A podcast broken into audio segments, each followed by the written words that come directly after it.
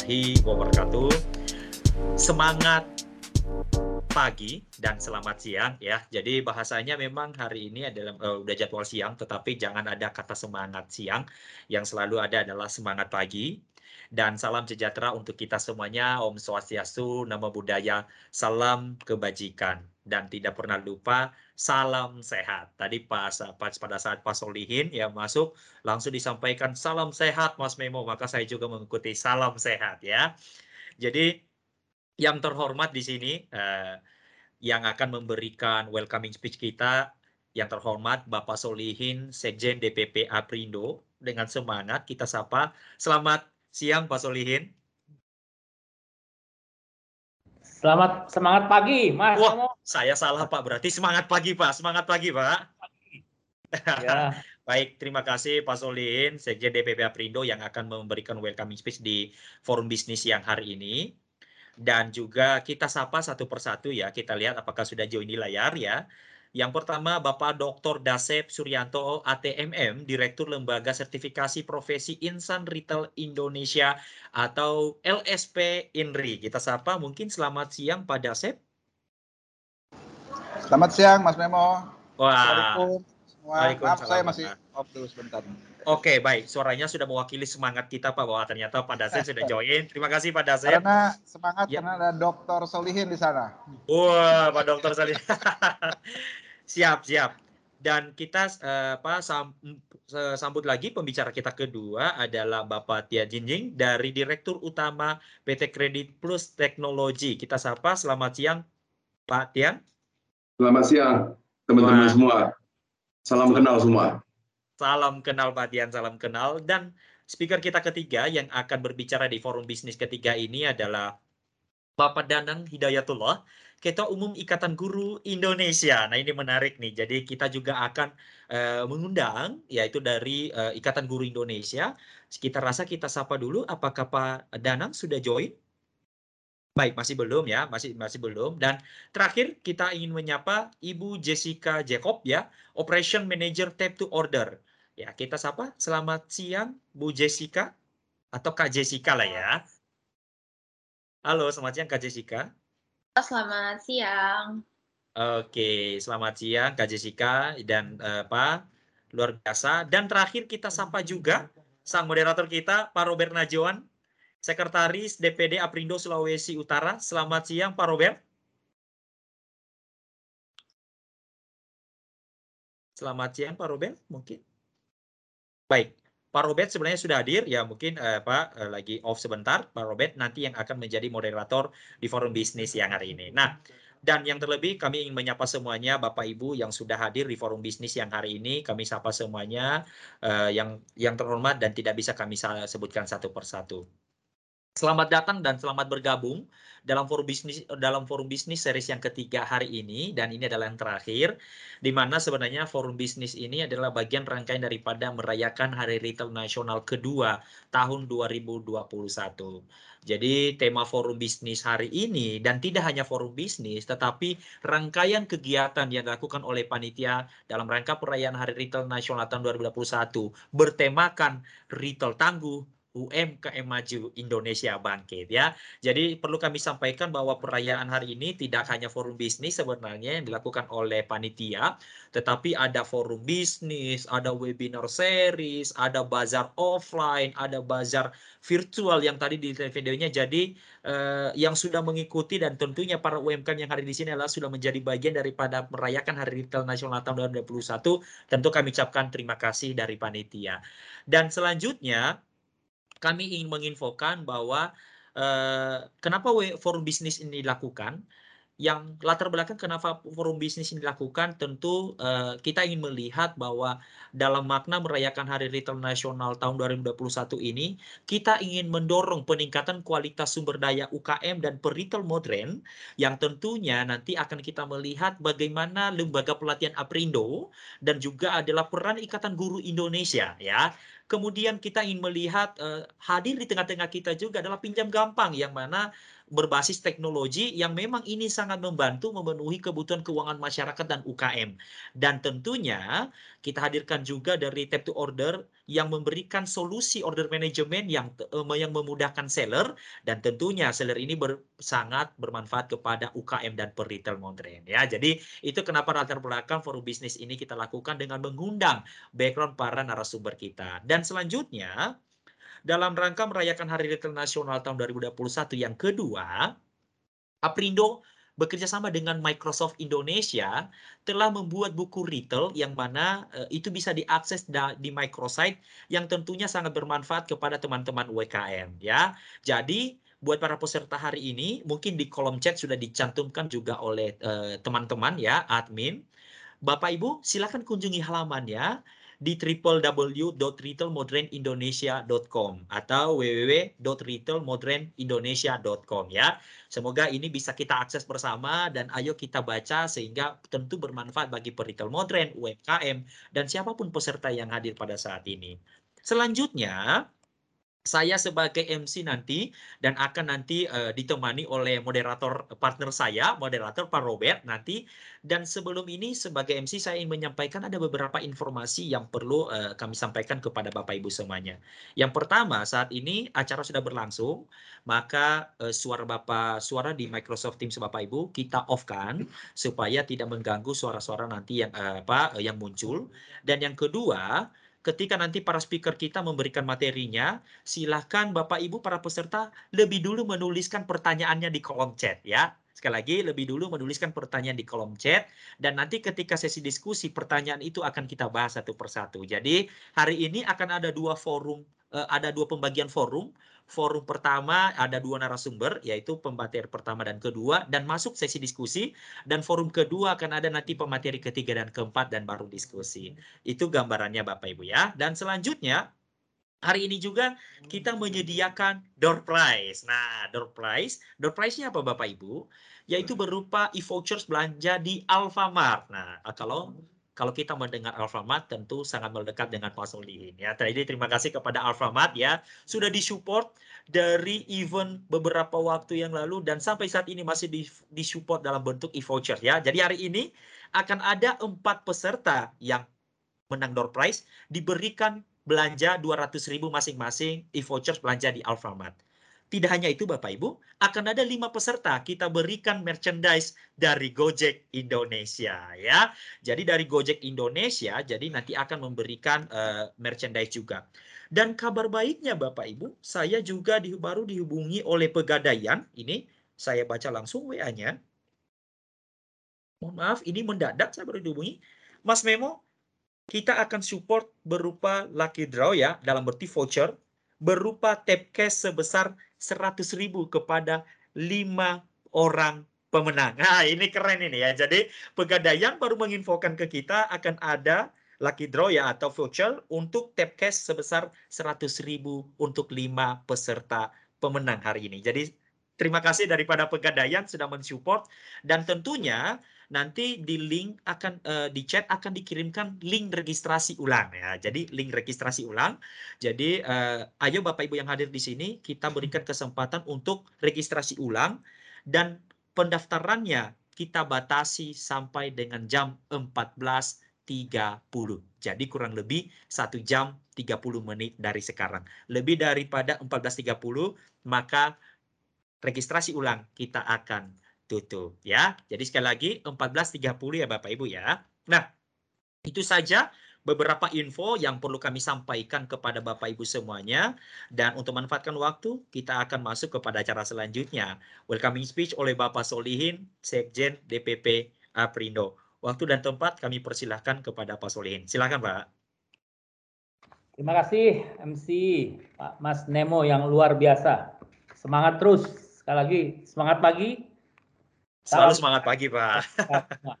ya. Uh, Assalamualaikum warahmatullahi wabarakatuh. Salam sejahtera buat kita semua dan jangan lupa sehat buat kita semua. Doa kita selalu uh, mengiringi teman-teman yang hadir pada uh, siang hari ini. Izinkan saya menyapa uh, mungkin uh, monitor yaitu Ketua Umum DPP Aprindo Bapak Roy and Mande yang mungkin saat ini dalam sedang perjalanan. Uh, juga rekan saya uh, hadir tadi walaupun masih dalam perjalanan yaitu uh, Bapak Dasep, uh, Dr. Dasep Suryanto, ATMM, sebagai Direktur Lembaga Sertifikasi Profesi Insan Retail Indonesia atau INDRI. Juga uh, yang terhormat uh, Direktur Utama PT Kredit Plus Teknologi, Bapak Tian Jingjing, Jingjing ya, serta uh, rekan daripada kita yaitu Ketua Umum Ikatan Guru Indonesia Bapak Danang Hidayatullah uh, serta Operation Manager uh, Tab 2 Order Ibu Jessica Jacob serta rekan-rekan uh, yang hadir di dalam uh, seri uh, ketiga ini ya dalam uh, serangkaian Hari uh, Retail Nasional yang sudah dilaksanakan beberapa hari uh, sebelumnya. Dan kita harus akui acara Hari di Indonesia yang bekerjasama dengan Orbitin uh, luar biasa ya mendapatkan mendapatkan tanggapan yang luar biasa dari masyarakat. Dan kegiatan-kegiatan seperti ini juga uh, cukup diminati karena UMKM adalah menjadi bagian siapa pun di antara kita harus kita support karena UMKM uh, terutama adalah yang uh, faktor uh, penunjang utama di dalam menjaga apa kemajuan ekonomi kita. Saya masih ingat kalimat kata presiden pada waktu arahan yang pertama bagaimana mempercepat atau dipercepat eksekusi program relaksasi restrukturisasi kredit bagi UMKM yang mengalami kesulitan. Nah, ini hadir di sini yaitu uh, Direktur Utama Kredit Plus mudah-mudahan ini juga akan bisa menjawab apa yang diinginkan oleh Presiden pada saat memberikan empat arahan di mana yang pertama bagaimana bisa mempercepat yang saat ini kondisi para UMKM kita dalam uh, menghadapi uh, COVID ini tidak sedikit yang menderita atau mengalami suatu kemunduran dalam usaha. Untuk itu uh, Aprindo dengan bekerja sama dengan Orbitin ini melakukan peringatan Hari Retail Nasional yang dibuka oleh Menteri Perdagangan dan ditutup oleh Wakil Menteri Perdagangan dan serangkaian webinar-webinar.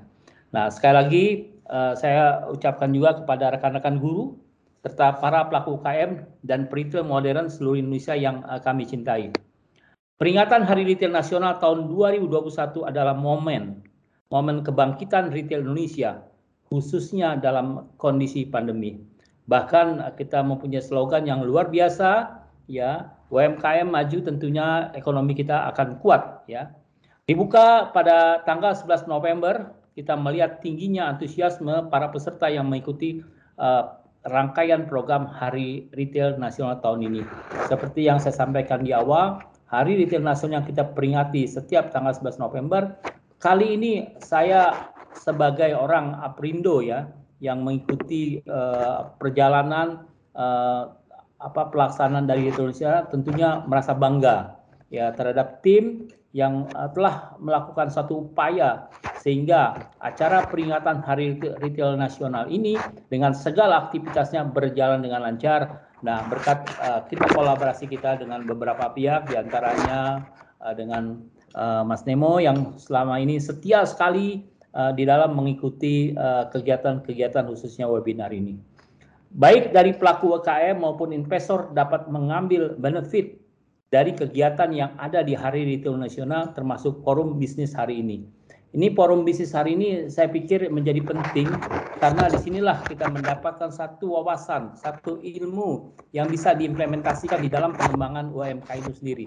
Nah, UMKM bagi uh, para pengusaha sudah menjadi hal kebutuhan, ya. Jadi jangan takut uh, dalam hal ini para pengusaha UMKM uh, karena biar bagaimanapun sama-sama kita membutuhkan.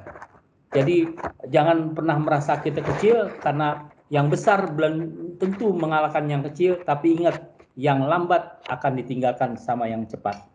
Itu kita harus bisa melihat suatu peluang, ya, di mana peluang ini harus kita ambil secara cepat dan peluang tidak akan datang berulang-ulang.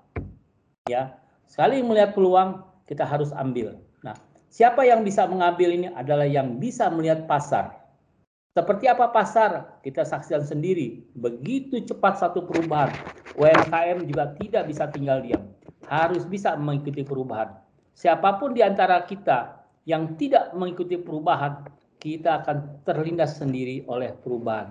Untuk itu, saya tadi sampaikan oleh Snemo, saya uh, sebagai sekjen dari Aprindo juga menjadi karyawan salah satu retail yang uh, saat ini masih terus uh, berkembang ya masih mengembangkan dan saya ingin katakan dengan bangga uh, retail uh, usaha daripada perusahaan saya sudah ada dari Sabang sampai Merauke. Nah, ini tentunya satu peluang buat para UKM.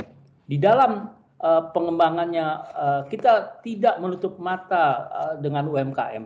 Hanya bagaimana UMKM itu bisa memanfaatkan peluang-peluang yang ada di hadapannya dengan melakukan suatu penyesuaian-penyesuaian dan mengerti uh, apa uh, peluang itu sehingga kita bisa manfaatkan. Karena bagaimanapun uh, para retail membutuhkan suatu uh, barang dagangan yang tentunya dibutuhkan.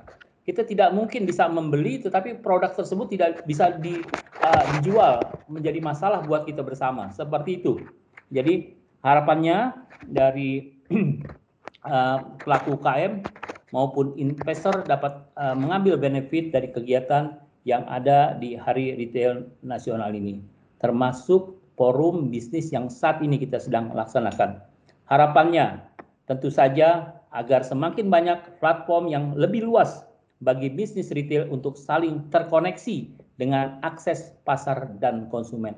Kita tahu sendiri ya komponen marketing mix bukan hanya sekedar produk tetapi kita juga memerlukan promotion, kita juga memerlukan ya price yang yang bisa diterima oleh konsumen dan satu hal yaitu place tempat. Jadi eh, komponen marketing mix saat ini masih relevan kalau kita menyebut masih 4P walaupun di dalam uh, pengembangannya ada diverifikasi PP yang lain tetapi basic dari marketing mix adalah 4P tersebut. Ini juga menjadi poin uh, adanya produk tentunya harus ada price yang uh, relevan uh, bisa diterima konsumen begitu juga kita juga harus uh, mempunyai tempat yang uh, mungkin bisa mudah dicari oleh konsumen kita. Termasuk hal yang paling sekarang ini tidak bisa kita pungkiri yaitu pemanfaatan teknologi yang akan nantinya dibahas di dalam forum bisnis hari ini. Dan juga peningkatan kualitas sumber daya UKM dan retail melalui lembaga pelatihan Aprindo. Kita sudah ada Indri dimotori oleh Padas Dr. Dasep. Ini luar biasa pengetahuan tentang hal tersebut sehingga dalam kesempatan yang baik siang hari ini harus dimanfaatkan. Silakan bertanya dengan Pak Dasep hal-hal yang sifatnya perlu kita ketahui dan saya yakin Pak Dasep bisa memberikan arahan, bisa memberikan masukan bagaimana mengembangkan satu usaha dalam hal ini. Kami mengajak para pelaku UKM dan mitra retail mampu memanfaatkan kemudahan teknologi dan aplikasi yang ada sehingga mampu memajukan UMKM dan retail Indonesia. Harapannya tentu pelaku UKM yang hadir dalam forum bisnis ini dapat mengidentifikasi solusi terkait teknologi yang dapat membantu bisnis UMKM. Kita tidak bisa berbicara hanya selalu masa lalu, dulu baiknya begini, sekarang nggak bisa. Ya, sekarang tidak bisa. Bahkan kita nggak bisa mengatakan bahwa uh, di dalam bisnis kita mempunyai satu standar dan standar itu berlaku di seluruh uh, apa daerah. Tidak mungkin kita sekarang ini tidak bisa melawan kemauan konsumen. Sehingga konsumen juga harus kita ketahui. Dengan kita ketahui konsumen, kita tahu apa yang dia mau. Kita tidak bisa memaksakan apa yang kita mau supaya uh, diminit, apa, uh, diminati oleh konsumen. Tidak, kita harus bisa menyiapkan apa yang dicari oleh konsumen. Untuk itu, para UKM harus jeli di dalam melihat satu peluang. Manfaatkan retail modern, manfaatkan kegiatan-kegiatan pada seperti siang hari ini sehingga uh, para pengusaha UMKM akan lebih terbuka. Artinya uh, bisnis sebetulnya begitu peluangnya sangat besar. Forum bisnis ini adalah satu solusi yang uh, diberikan uh, oleh Aprindo melalui kerja kolaborasi dengan Orbitin uh, dalam rangka serangkaian Hari Retail Nasional. Demikian, terima kasih untuk kolaborasi semua pihak yang turut mensukseskan forum bisnis Hari Retail tahun ini. Semoga para investor, mitra retail modern, dan pelaku UKM dapat membangun kolaborasi sinergis demi membangun pertumbuhan UKM dan perekonomian Indonesia pada khususnya. Demikian uh, Mas Nemo sebagai MC pada siang hari yang luar biasa. Anda tampil dengan semangat yang saya saya lihat dengan senyum dan uh, tentunya dengan uh, apa penyampaian-penyampaian informasi yang sangat bisa diterima. Semoga Mas Nemo sukses dan kita semua yang hadir di sini bisa memanfaatkan peluang yang Aprindo bersama dengan Britin ini menyajikan hal-hal yang saya anggap sangat penting. Demikian, sekali lagi saya ucapkan selamat untuk mengikuti acara pada siang hari ini. Manfaatkan peluang yang ada pada hari ini dengan kita telah mengundang para pembicara yang kredibel dan pas untuk kita mengetahui bagaimana mengembangkan uh, apa usaha UKM. Rekan saya Pak Robert juga luar biasa. Beliau retail tangguh yang menurut saya sepak terjangnya kita tahu. Kalau kita pergi ke Manado, siapa yang nggak tahu Pak Robert? Salam Pak Robert, ya sukses buat Pak Robert dan rekan-rekan sekalian. Demikian, bila topik walidaya. Assalamualaikum warahmatullahi wabarakatuh. Semangat pagi. Waalaikumsalam warahmatullahi wabarakatuh dan tetap semangat pagi Pak ya tetap semangat pagi. Terima kasih kepada Pak Solin Sekjen DPP Aprindo yang sudah membuka acara dan tentunya sebelum saya ingin menyerahkan ke moderator saya ingin kembali mengingatkan bahwa uh, form form registrasi ulang untuk mengklaim atau mau mendapatkan door prize sudah dikirimkan di chat ya. Jam 14.30 kita akan tutup ya. Dan uh, kedua adalah ketika nanti speaker sudah mulai memberikan materinya, silakan Bapak Ibu menanyakan lebih awal pertanyaan dalam kolom chat dan nanti akan kita bahas satu persatu ketika sudah masuk pada sesi diskusi. Maka waktunya saya sudah selesai me, apa, me, uh, mengantar acara ini dan saya menyambut ya menyapa uh, partner kita yang luar biasa yang akan menjadi moderator Pak Robert yaitu Sekjen Sekretaris DPD Aprindo Sulawesi Utara yang akan menjadi moderator di forum bisnis yang ini. Kita sapa, selamat siang Pak Robert.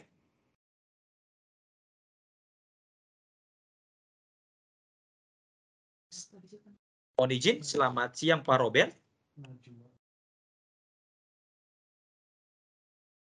Baik, mohon izin kayaknya Pak Robert sudah keluar dalam posisi ini. Kita akan konfirmasi ulang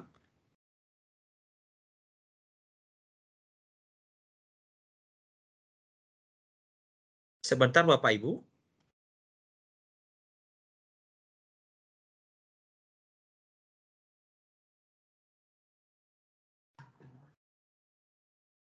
Baik, kita tunggu konfirmasi ke Pak Robert ternyata ada trouble ya, beliau sudah eh, ketendang keluar. Kita tunggu ya. Ya, sekali lagi saya akan menyapa semuanya ya. Jadi Bapak Ibu di sini chatnya masih banyak, registrasi belum dikirimin. Ayo tim daripada Orbitin ya, jangan sampai terlewat dikirimkan dan difasilitasi semuanya. Dan tentunya eh, kami pastikan Bapak Ibu tidak eh, terlewatkan untuk bisa dapat door prize. Kembali lagi, door prize kita hari ini ada tiga macam ya. Yang pertama akan ada door prize kepada lima peserta mendapatkan uh, merchandise dari Gojek Indonesia, lima peserta. Dan yang kedua, akan ada lima peserta mendapatkan tap cash daripada Pegadaian ya. Dan yang ketiga, ada empat peserta akan mendapatkan e-vouchers belanja di Alfamart sebesar 200.000 per peserta ya. Jadi uh, tetap registrasi dulu sambil menunggu moderator kita. Kita akan menunggu moderator kita. Kita akan menunggu. Oke. Sabar Bapak Ibu ya, uh, forum bisnis akan segera kita mulai. Ternyata ada trouble. Ya, kita akan nunggu. Baik, Pak Yohane Sugandi menanggapi, terima kasih saya sudah mengisi form registrasi. Oke, Pak Yohanes, mudah-mudahan namanya yang keluar ya Pak. Amin ya Pak. ya, jadi uh, Pak kita menunggu nih uh, moderator kita. Kalau tidak, kita akan lanjut ya. Kita akan tunggu. Tidak asik kalau tidak akan menyapa Pak Robert yang akan menjadi moderator. Baik, oke. Okay. Sebentar.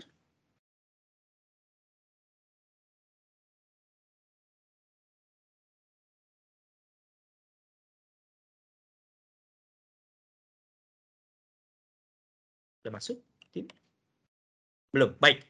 Kalau begitu, Bapak Ibu, mohon izin dengan tidak mengurangi secara hormat kepada Pak Robert. Nanti kalau beliau sudah masuk ya, kita akan sapa Pak Robert dan akan meneruskan sebagai moderator.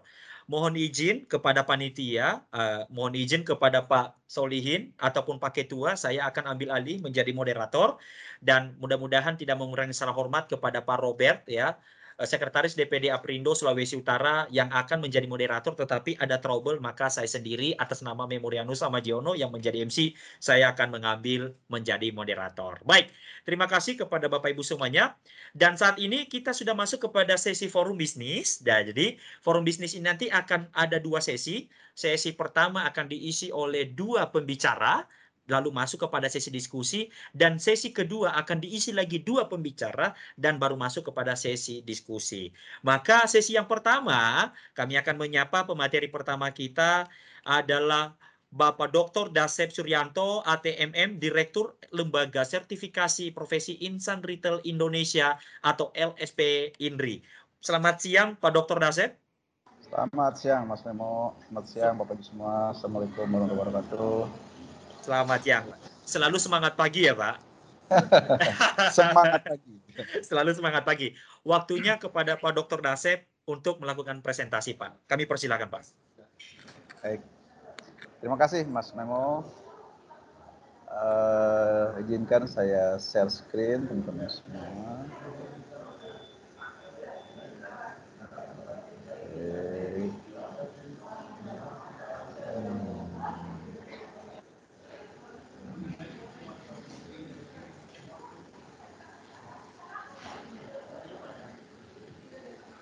Apakah sudah tampil? Masih belum Pak, mungkin on the way. Masih belum Pak, on the way. Ya, perjalanan. Okay. Sudah Pak, silakan Pak, silakan Pak. Baik. Baik. Bismillahirrahmanirrahim. Assalamualaikum warahmatullahi wabarakatuh. Uh, semangat pagi ya, seperti Mas Memo sampaikan tadi kita harus senantiasa memiliki semangat pagi hari walaupun kita berada di siang, sore, walaupun malam hari ya. Uh, salam kenal rekan-rekan semua uh, yang hadir di sini. Jadi dulu itu teman-teman di sebuah kampung ada seorang bayi yang lahir itu kulitnya putih dan ganteng di kampung tapi cuman karena di daerah Sunda di Jawa Barat jadi putih dan ganteng itu namanya dipanggilnya bodas dan kasep. Karena bodas dan kasep maka bagi itu dinamainlah dasep. Itu tapi itu dulu ya. nah, jadi Mas Memo, teman-teman semua salam kenal. Nama saya Dasep Suryanto. Kenapa Suryanto? Karena ayah saya dari Surabaya, dari Madiun, keturunan sana. Sehingga saya ini kayak apa namanya Indolokal ya antara Sunda dan Jawa. Baik. Suatu kebanggaan siang hari ini bisa bertemu dengan teman-teman semua. Uh, mohon dicek suara, gambar dan sebagainya aman ya Mas Mo ya. Kalau ini kurang di Baik. Aman Pak, clear Pak. Saya punya judul nih retail tangguh UMKM maju Indonesia kompeten. Jadi memang siang hari ini kita bicara kita retail dan UMKM ini satu kesatuan utuh yang eh, sama-sama uh, kita hadir di sini ingin memajukan bangsa juga ya melalui insan-insan retail, insan UMKM yang uh, kompeten ya. Baik. Sedikit perkenalan saya mungkin ini nama saya teman-teman sekalian. Saya kebetulan hari ini uh, di Aprindo sebagai salah satu wakil ketua umum ya dan juga saya di Kawan Lama Group sebagai Vice President untuk Government Malaysia. Serta ini ada beberapa aktivitas saya yang lain. nah, mungkin teman-teman sudah kenal Kawan Lama ya. Kawan Lama itu ada S Hardware, Informa ya dan lain-lain. Hari ini karyawan mungkin ada sekitar 40 ribu lebih ya. Kita ada bisnis di industrial, di retail, di food and beverage, online bisnis, ada di fintech, financial, dan juga kita punya bisnis di properti. Itu sekilas mungkin saya yakin teman-teman ini sudah cukup kenal, apalagi dengan chat time mungkin ya. Chat time kita sudah ada 500 counter nih, mungkin sudah uh, cukup familiar ya. Baik, sebelum kita lebih detail bicara mengenai bagaimana insan retail dan insan UMKM itu menjadi insan-insan yang tangguh, yang kompeten dalam memajukan negeri kita ini, saya akan memulai dulu mungkin sekilas tentang visi Indonesia 2045, yakni di mana kemarin saya baru dapat informasi ini dari Bapenas ya, yang menggambarkan bagaimana dream kita, impian kita di tahun 2045. Jadi kira-kira seperti ini teman-teman bahwa kita eh, hari ini berada di tahun 2021 ya. Kita sebetulnya targetnya itu income-nya sudah bagus, tapi karena ada Covid sehingga kita turun kembali ke eh, middle income trap ya. Kita masuk ke dalam jebakan eh, pendapatan yang kurang bagus sebetulnya dengan kondisi Covid ini. Namun demikian, ini yang harus kita sama-sama ketahui bahwa impian kita ke depan itu akan seperti ini, di mana tahun 2045 kita ingin mendapatkan PDB sekitar 23.193.199 dolar. Ini uh, harapan kita. Ya, tentu ini butuh proses, butuh waktu. Nah, lalu ada masalahnya isu strategis produktivitas yang memang uh, menjadi bridgingnya karena nggak mungkin itu semua tadi tercapai kalau orang-orang kitanya tidak produktif. Kita dalam tahun 2030-an mungkin itu sudah diprediksi punya bonus demografi di mana 70% adalah eh, usia-usia produktif, usia muda. Tapi kembali itu belum tentu eh, menjadi dem bonus demografis tergantung dari sejauh mana kita menjadikan diri kita ini semua pribadi-pribadi atau insan-insan yang produktif. Jadi bisa saja orangnya banyak malah tidak produktif ya. Oleh karena itu hari ini kita mencoba berusaha memberikan atau berupaya memberikan peran di Indonesia ini agar setidaknya insan retail dan insan uh, eh, UMKM itu memiliki media untuk menjadikan dirinya sebagai insan-insan yang produktif gitu ya. Apa isu produktivitas yang kita hadapi hari ini teman-teman sekalian? Uh, kita tahu ya bahwa COVID ini uh, sebuah pandemi yang sudah berjalan hampir mungkin dua tahun dan kita belum tahu uh, entah kapan berakhir. Walaupun kita semua berdoa semoga ini segera berakhir ya. Kalau kita tengok pengalaman-pengalaman yang sudah-sudah bahwa setiap ada pandemi yang besar seperti itu dampaknya sangat besar ya mempengaruhi perubahan eh, kehidupan ya ketika ada Black Death tahun 34 sampai tahun 50 itu berakhirnya perbudakan waktu itu di Eropa bahkan perbaikan untuk hak dan kesejahteraan pekerja ada akselerasi renaissance dari abad pertengahan ya, ini dampak dari adanya Eh, pandemi saat itu. Termasuk berikutnya tahun 18 kita ada flu Spanyol, ini juga ratusan orang meninggal waktu itu. Apa pergerakan atau perubahan yang terjadi adalah terjadi percepatan dalam ilmu medis modern, ya. Termasuk memulainya kita masukin ke era uh, 1.0 ya, era golden age saat itu. Nah, sekarang kita sudah di 4.0. nah, hari ini rekan-rekan sekalian, kita berada di era COVID-19 yang ini pun tentu akan mengubah ya akan menggeser banyak hal. Di sini misalnya perubahan sistem kesehatan. Ya, ini hari ini rumah sakit rumah sakit sudah berjuang keras uh, menyediakan pengobatan pun dengan telemedicine gitu ya. Jadi pengobatan pun tidak harus datang jarak jauh kita komunikasi obat pun kalau perlu dikirimkan dan sebagainya itu salah satu contoh belum lagi teknologi-teknologi kesehatan yang digunakan ya ini semua terjadi percepatan luar biasa apalagi dari aspek digitalisasi sebelum ada covid dulu semua industri perusahaan eh, semua sektor berusaha mulai memperbaiki atau meningkatkan digitalisasinya menggunakan IT-nya lebih baik tetapi dengan lahirnya COVID, munculnya COVID itu mempercepat teman-teman. Karena ada uh, tuntutan untuk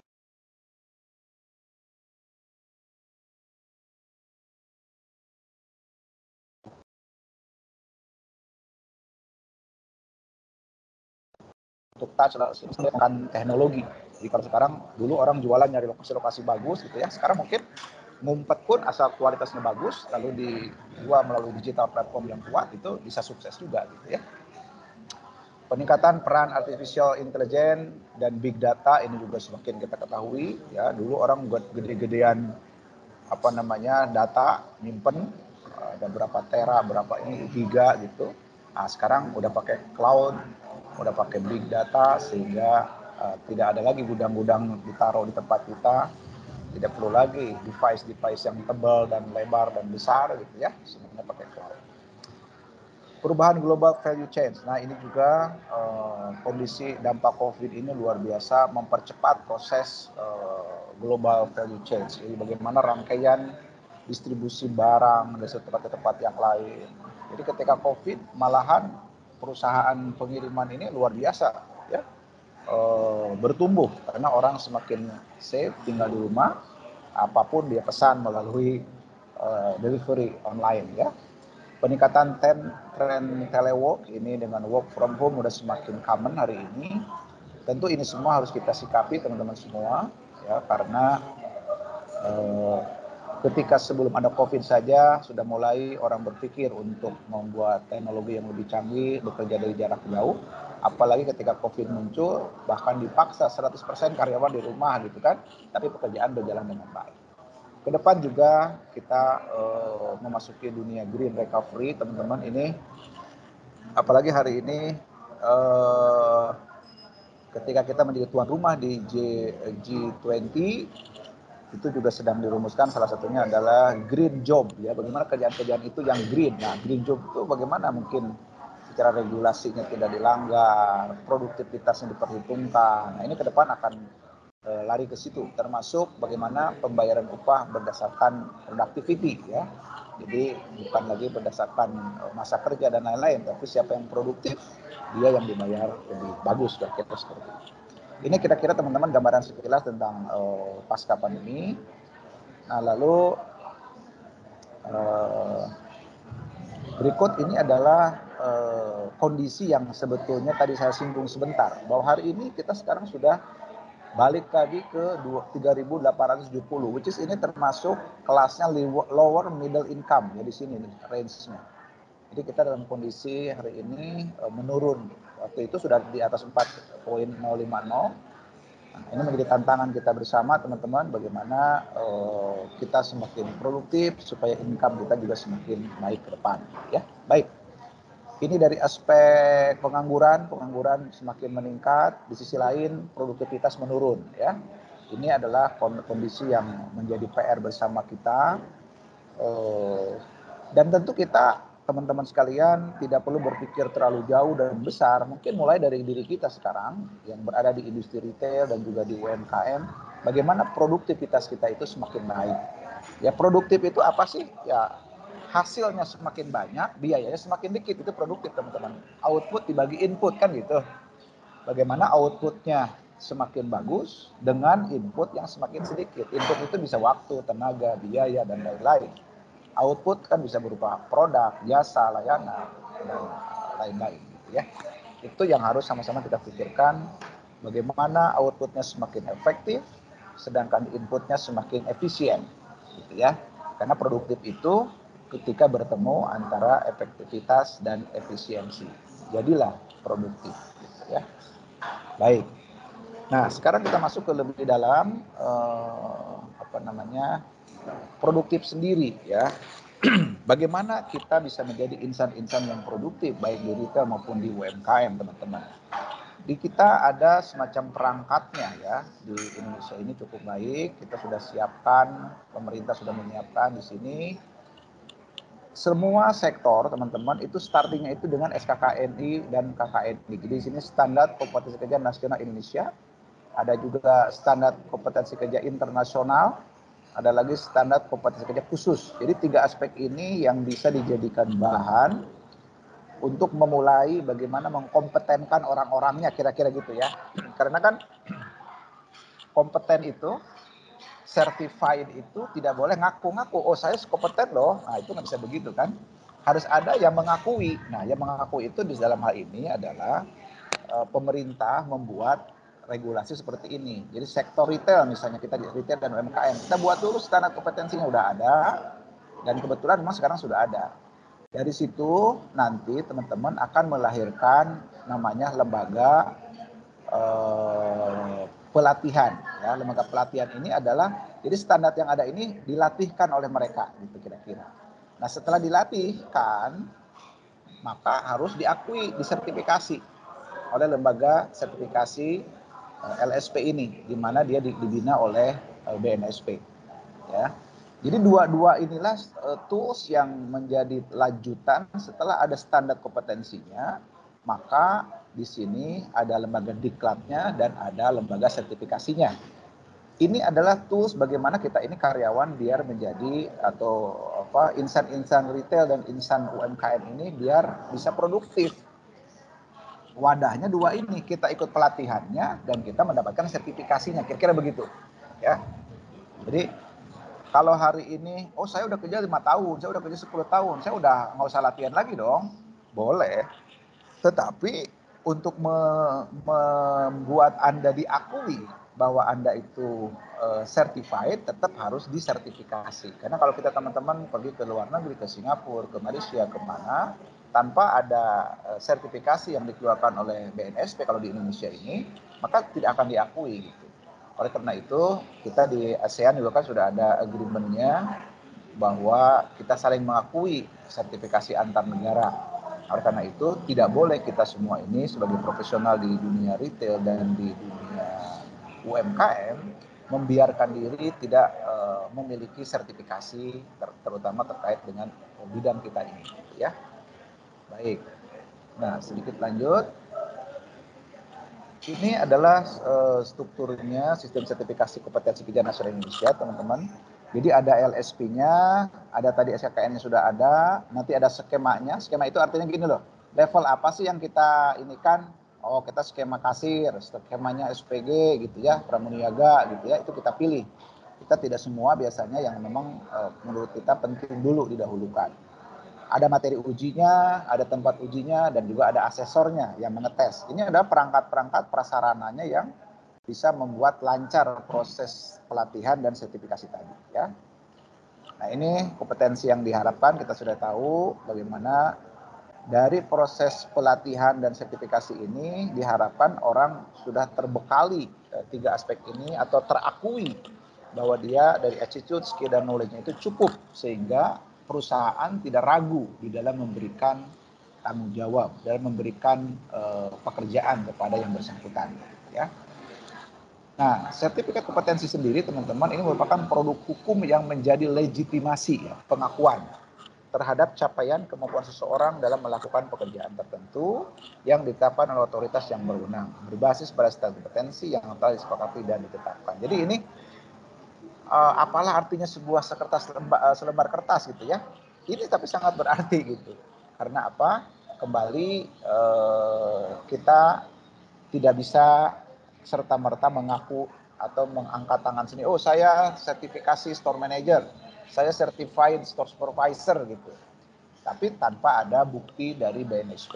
Ya, jadi ini memang harus kita perlengkapi diri, apalagi ke depan era kompetisi sangat ketat persaingan sangat berat dan kita juga akan bersaing tidak hanya di Indonesia tapi juga berpesaing uh, datang dari luar ya karena sekarang dengan adanya uh, free trade Asia itu membuat Asian Free Trade Asia itu membuat seluruh negara itu dengan leluasa bisa pergi dari satu kota ke kota lain, dari satu negara ke negara lain. Artinya banjir tenaga kerja tidak hanya ada di Indonesia, dari luar negeri pun akan hadir. Nah kita pun tidak boleh kalah di dalam negeri dan juga harus memanfaatkan peluang di luar negeri. Salah satu toolsnya adalah kita mengantongi sertifikasi ini. Ya. Nah sekarang masuk lebih spesifik apa yang Aprindo lakukan di dalam menunjang kesiapan insan-insan retail dan insan UMKM supaya juga tidak ketinggalan di dalam memperlengkapi diri dengan sertifikasinya. Nah kita hari ini teman-teman sudah punya dua, kita sudah punya lembaga sertifikasinya dan juga sudah punya lembaga pelatihan kerjanya SIP ya. Jadi disingkatnya itu INRI SIP nah, gitu ya. Insan di Indonesia itu adalah LSP-nya, sedangkan SIP adalah lembaga pelatihannya. Nah, ini kita juga sudah resmi, sudah berjalan beberapa tahun ya.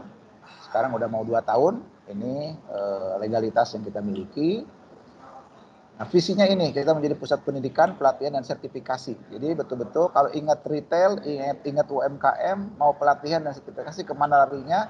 Ke Aprindo. Ya. Aprindo sudah memiliki uh, dua media penting ini di dalam menjadikan setiap insan itu retail dan UMKM insan-insan yang produktif nantinya. Uh, tentu untuk produktif dimulai dengan kompeten dulu, gitu ya. Karena tidak mungkin kita bisa produktif kalau orangnya tidak kompeten. Agar kompeten harus dilatih dan disertifikasi. Nah, ini misinya kita ingin menjadi pusat acuan penyelenggaraan pelatihan tenaga kerja profesional dalam pengembangan kompetensi dan karir. Kita juga pengen Center of Excellence menjadi pusat pengkajian keilmuan dan keahlian berbasis kompetensi dan juga menjadi wadah utama dalam menciptakan tenaga kerja yang kompeten dan berkualitas internasional. Ya teman-teman kita sudah hampir punya 50 asesor ya. Dan ini asesornya bukan asesor biasa-biasa mereka itu dari tenaga retail yang udah uh, retail dan UMKM yang sudah memang punya experience di situ ya. Jadi asesornya sudah diakui oleh BNSP sudah, udah terregister jadi sangat resmi dan formal. Kita juga uh, para trainer juga trainer-trainernya bukan trainer yang sekedar belajar konten lalu menyampaikan bukan. Tapi mereka adalah pelaku-pelaku retail ya karena di Aprindo itu pengurus-pengurusnya, anggotanya itu adalah para pelaku retail yang memiliki experience cukup kuat sehingga mereka juga kita minta untuk mendedikasikan ilmunya untuk bisa mengajar kepada orang lain ya. Kita juga punya tempat uji kompetensi yang cukup banyak, ada 55 TUK ya tempat uji kompetensi yang sudah terverifikasi dan ini juga sudah aktif di webnya BNSP. Jadi kita bukan kaleng-kaleng gitu, kita udah punya eh, asesor, trainer, dan juga tempat uji yang cukup qualified. Ini sejumlah materi dan juga uh, yang sudah berjalan materi pelatihannya. Ini di dunia retail kita ada sebelah kiri pelatihan-pelatihannya ini retail dan UMKM ya. Dan ini adalah yang masuk ke dalam prakerja. Kita juga ada di dalam prakerja dan sudah berjalan program pelatihan-pelatihan di platform uh, prakerja. Dan ini adalah pelatihan-pelatihan yang uh, sekarang sudah berjalan di Aprindo melalui Insan Retail Indonesia ya. Ini tadi terkait dengan UMKM kita juga ada beberapa uh, materi dan ini juga sudah berjalan juga teman-teman. Ya ada serunya menciptakan brand yang dikenal dan dicintai, membuat kemasan produk yang menarik, memasarkan produk UMKM melalui media sosial. Nah ini juga semua ada pelatihan-pelatihannya. Nanti silakan kontak ya uh, ke Aprindo untuk kalau ingin mendapatkan pelatihan-pelatihan ini. Tentu kalau untuk rekan-rekan anggota Aprindo dan juga UMKM di sini bisa nanti mendapatkan harga khusus gitu ya silakan. Juga ada yang sifatnya materi-materi umum di sini uh, kita sajikan juga. Untuk skema yang tadi kan pelatihan, nah untuk sertifikasi ini sudah diakui oleh BNSP, kita sudah bisa mensertifikasi ini semua teman-teman. Di retail ini dan UMKM kita sudah bisa sertifikasi ini, ya di dunia SDM kita juga ada pelatihan-pelatihan ini dan juga UMKM ini semua sudah bisa disertifikasi oleh kita. Baik offline maupun online ya. Jadi kalau yang ada bisnisnya punya di uh, Papua di sana itu juga bisa kita lakukan uh, sertifikasi ya. Ini adalah sejumlah klien yang selama ini sudah bekerja sama dengan uh, kita dengan Aprindo Insan Indonesia SIP Solusi Insan Profesional lembaga-lembaga seperti ini yang sudah jalan kita sertifikasi ya ini adalah perusahaan-perusahaan retail yang sudah tersertifikasi lebih dari 5.000 orang ya yang sudah tersertifikasi dalam dua tahun ini. Bayangin tuh dalam kondisi COVID pun kita jalan karena kita bisa sertifikasi lewat online teman-teman. Ini uh, eh, 5.000 lebih yang sudah tersertifikasi ya. Baik. Nah, ini pelatihan-pelatihan kita tentang omni channel ya, tentang presentation. Pesertanya cukup banyak terus. Ini juga tentang government relation waktu itu ya di dunia retail kan ada government relation juga. Ini semua adalah contoh beberapa pelatihan yang sudah diselenggarakan ya. Itu Pak Memo teman-teman sekalian jadi kesimpulannya bisa saya sampaikan bahwa hari ini kita sedang berada di kondisi yang sangat ketat di dalam uh, mengawal bagaimana produktivitas kita masih rendah ya. Daya saing sekarang kita masih perlu perbaiki ya di sisi lain serbuan-serbuan tenaga kerja asing begitu banyak sehingga tidak ada pilihan lain bagi kita selain menjadikan diri insan-insan yang kompeten agar kita bisa produktif. Nah, agar kompeten, Aprindo sudah menyajikan dua lembaga yang bisa membantu rekan-rekan semua, yaitu lembaga sertifikasi dan lembaga uh, pelatihan. Demikian Mas Memo, terima kasih. Assalamualaikum warahmatullahi wabarakatuh. Baik, terima kasih Pak Dr. Dasep ya, yang luar biasa, yang sudah memberikan materinya dari sebagai Direktur Lembaga Sertifikasi Profesi Insan Retail Indonesia atau biasa kita kenal dengan LSP INRI. Nah, tentu uh, hal ini sangat sangat bermanfaat ya. Bagaimana sebenarnya mencoba meningkatkan kualitas sumber daya manusia, baik itu pelaku retail maupun di UMKM, dan ini tidak dibatasi ya Pak, tidak dibatasi oleh karena untuk hanya UMKM atau retail, tapi siapa pun dalam meningkatkan kompetensinya, apalagi ke depan adalah dunia persaingan sumber daya manusia sangat kental sekali ya, jadi baik di dalam maupun di luar negeri tentu ini harus kita persiapkan siapa pun untuk bersertifikasi yang berkompeten ya. Jadi terima kasih Pak Dr. Dasep dan tentunya ini nanti akan masuk kepada sesi Q&A menunggu daripada uh, panelis yang kita yang kedua. Mohon izin Pak Dr. Dasep, maka selanjutnya kita akan lanjutkan. Dan selanjutnya mohon maaf ini kepada moderator kita Pak uh, Pak Robert.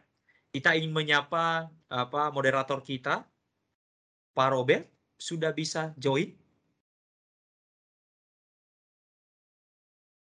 Baik, ternyata masih belum, ternyata Bapak Ibu. Maka dengan segala hormat lagi, mohon maaf saya ambil alih langsung supaya tidak menunda karena di layar kita pemaparan yang kedua daripada uh, apa uh, panelis kita yang kedua hari ini adalah dari Bapak Tia Jinjing, Direktur Utama PT Kredit Plus Utama sudah tampil dan tentunya tidak sabar mungkin ini apa sih ya kita ingin tampilkan dan tentunya kepada Bapak Tian waktu dan tempat kami persilakan. Silakan Pak. Mohon izin Pak masih ke mute. Uh, uh, selamat siang semuanya.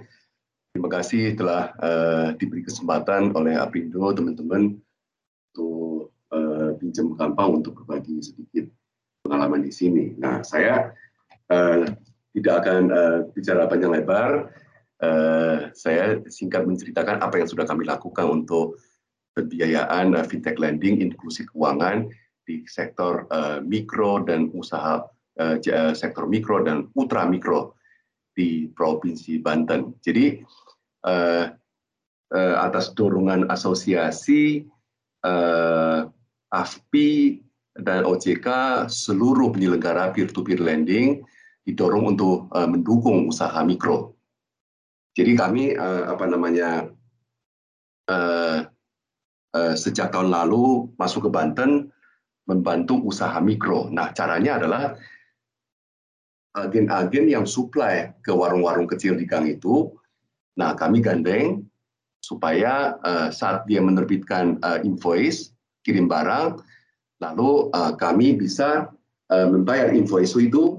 Nah warung itu tinggal terima barang, Lalu uh, dari pinjam gampang, lender pinjam gampang, uh, disbursement uh, uh, pinjaman itu ke rekening gironya agen atau distributor. Sehingga pada saat itulah timbul hutang piutang di antara warung sebagai peminjam dan pinjam gampang sebagai penyelenggara peer-to-peer lending. Nah, dengan uh, usaha kami uh, menjalankan pembiayaan mikro dan ultra mikro di warung-warung Banten ini, kami uh, selama 18 bulan terakhir mencapai suatu uh, keberhasilan luar biasa yang menggembirakan di Provinsi Banten. Uh, sudah banyak sekali warung-warung mikro yang kita layani, sudah banyak sekali agen-agen distributor uh, kita layani, dan kita merasa ada pertumbuhan dan potensi yang luar biasa di sana. Karena akses barang dan akses kepada uang sangat masih dirasakan sangat sulit di daerah-daerah itu.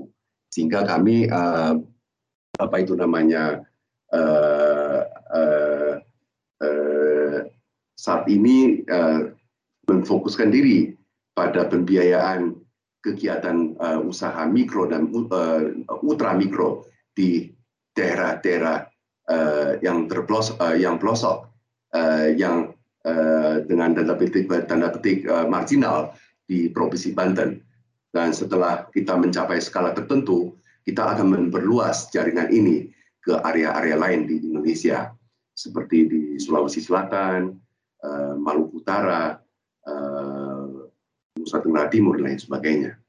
Bahkan termasuk Provinsi Papua untuk langkah-langkah selanjutnya. Mungkin uh, bisa di share screen uh, untuk uh, model bisnisnya, Fauzan.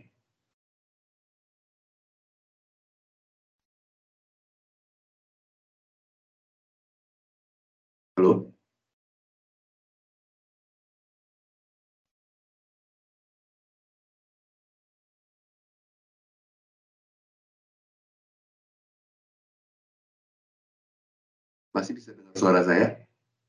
Bisa Pak, mau ini izin, uh, kita akan bantu. Kayaknya ada yang uh, bantu nge-share, mungkin di close dulu. Mohon izin, kita di close, tim kita akan bantu nge-share. Oh, Pak Fauzan ya, Pak, Pak Fauzan yang membantu presentasi. Tapi ini di layar masih belum full kelihatan, Pak Fauzan. Bisa tampilkan yang layar, yang slide ketiga.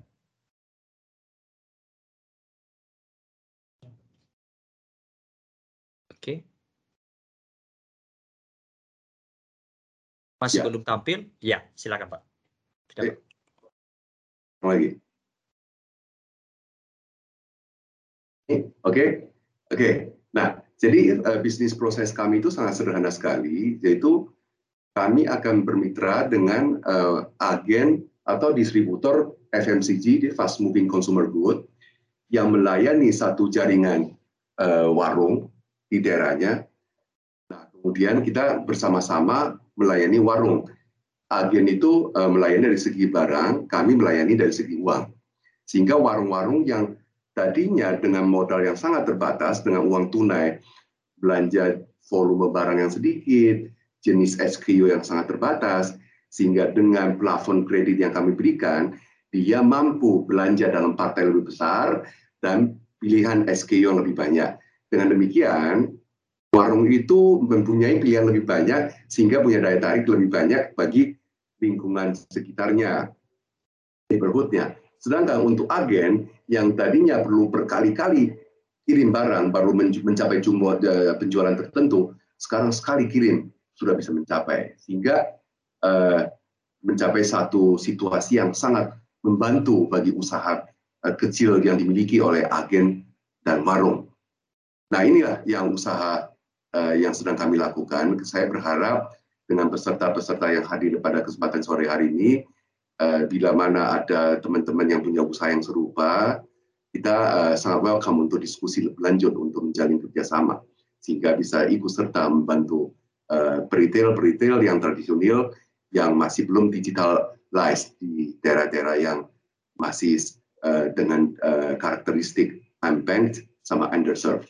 Kira-kira dari saya hanya uh, ini uh, sederhana saja, tidak seperti uh, pembicara yang sebelumnya, uh, karena memang usaha untuk productive loan yang mikro ini ya memang model bisnis sangat sederhana. Kami sangat berharap uh, dengan forum ini uh, atas dorongan Aprindo, kami juga bisa turut serta untuk membantu pertumbuhannya UMKM dan usaha mikro dalam uh, lingkup Aprindo. Terima kasih.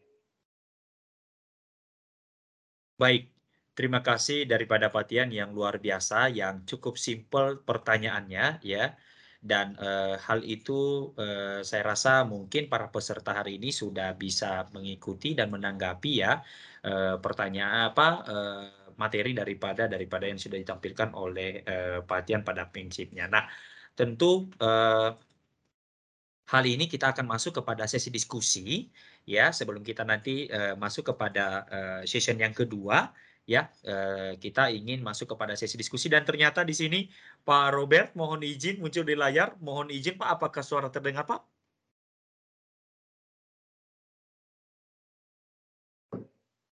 masih ke mute Pak Oke. Okay. Saya kedengaran Pak. Baik Pak, mohon izin Pak, uh, apa moderator kita sudah lanjutkan saja Pak, acara sudah kita mulai Pak. Oke, silakan Pak. Lanjut, Baik, lanjut. siap. Baik, saya, saya lanjut ya Pak Robert ya. Baik, terima kasih dan kita sekarang masuk kepada sesi uh, Papa diskusi. Kita akan masuk sesi diskusi dan tentunya selama sesi diskusi ini eh, kalau ada pertanyaan tambahan nanti kepada pinjam gampang atau kepada LSP eh, Indri tadi LSP Aprindo yang tadi diwakili oleh Pak, Robe, eh, Pak Dasep dan juga dari pinjam gampang oleh Pak Tian, tentu kami persilahkan karena sekarang kita sudah masuk kepada sesi diskusi. Nah, mohon izin Pak Dasep dan tentu kepada Pak Tian kita akan masuk kepada sesi diskusi. Dan pertanyaan pertama ini saya ingin uh, sampaikan kepada Pak Dasep. Ada satu pertanyaan Pak menyampaikan bahwa Pak Dasep apakah kelompok usaha resto khususnya sudah ada khususnya sudah ada personil yang memang certified untuk lakukan sertifikasi seorang manajer resto misalnya. Nah, jadi seperti itu, Pak dari BNSP-nya maksudnya Pak, apakah sudah siap untuk itu? Nah, mohon tanggapannya pada Sep.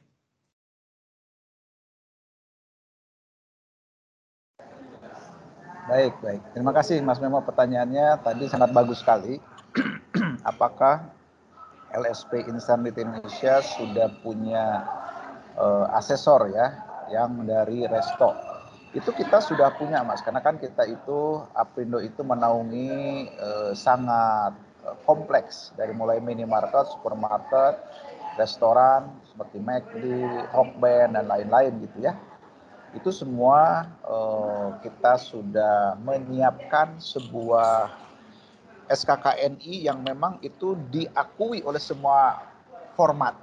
Jadi ketika kita membuat standar kompetensi itu, bersama pemerintah dalam hal ini Kemenaker dan Kemendag Perdagangan serta didampingi oleh sejumlah akademisi waktu itu di berbagai university itu kita membuat sebuah standar kompetensi yang bisa diterapkan di semua sektor retail ya jadi nanti kita punya skema itu yang baru yang sekarang lagi menaik daun itu yaitu skema untuk supervisor store sama store manager Nah, ini applicable untuk di semua sektor, termasuk di restoran tadi, Mas Memo. Jadi silahkan uh, nanti lebih detail bisa komunikasi kita. Di kita juga ada GM-nya Pak Habudin. Mungkin ada kalau ada hadir di sini Pak Habudin bisa menambahkan kalau ini.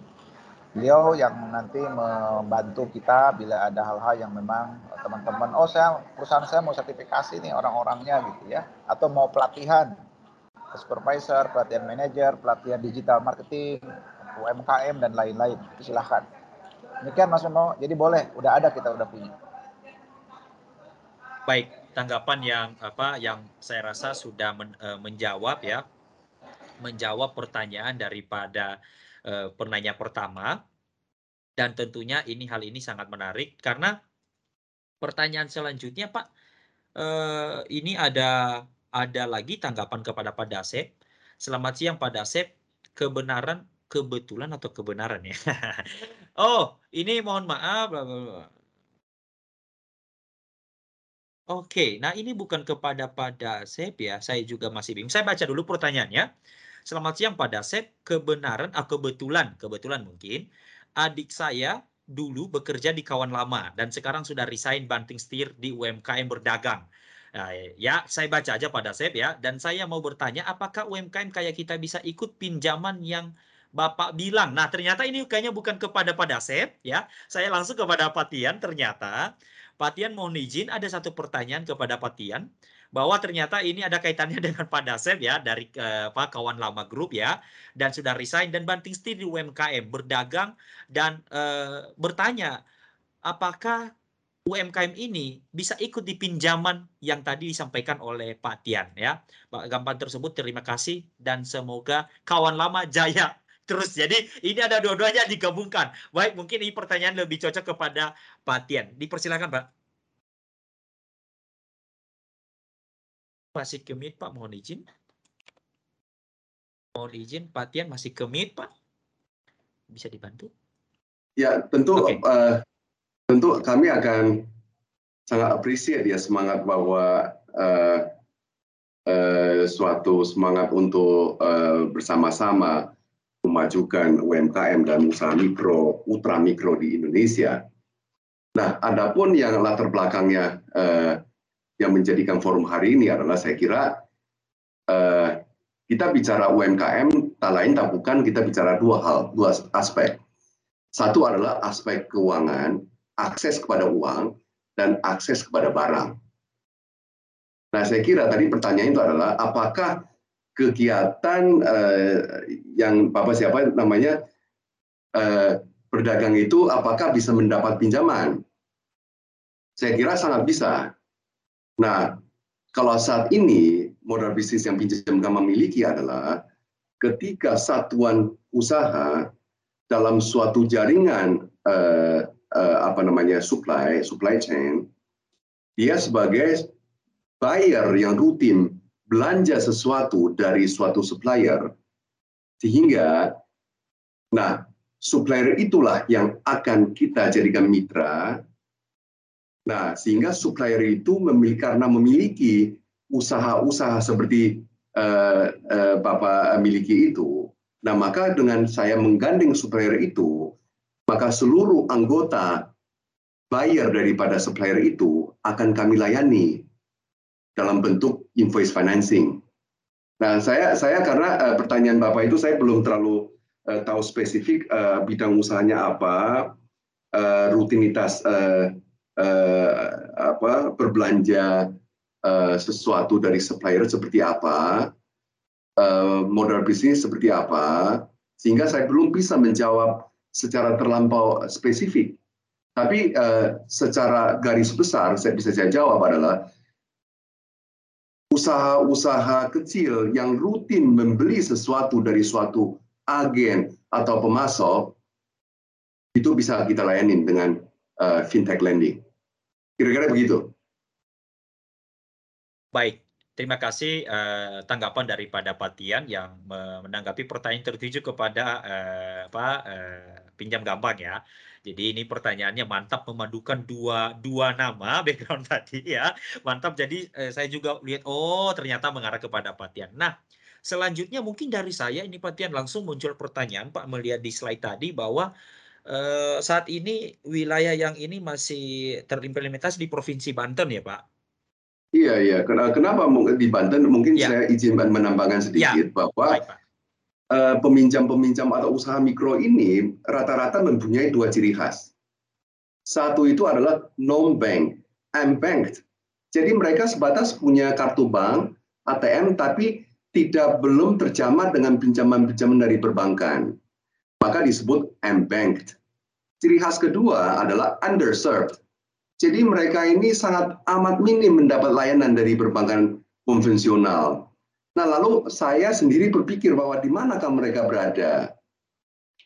Nah, saya setelah melakukan suatu riset, saya memutuskan mulai di Banten, satu provinsi yang berbatasan dengan ibu kota, tapi menjadi satu provinsi yang relatif masih tertinggal dalam perekonomian nasional.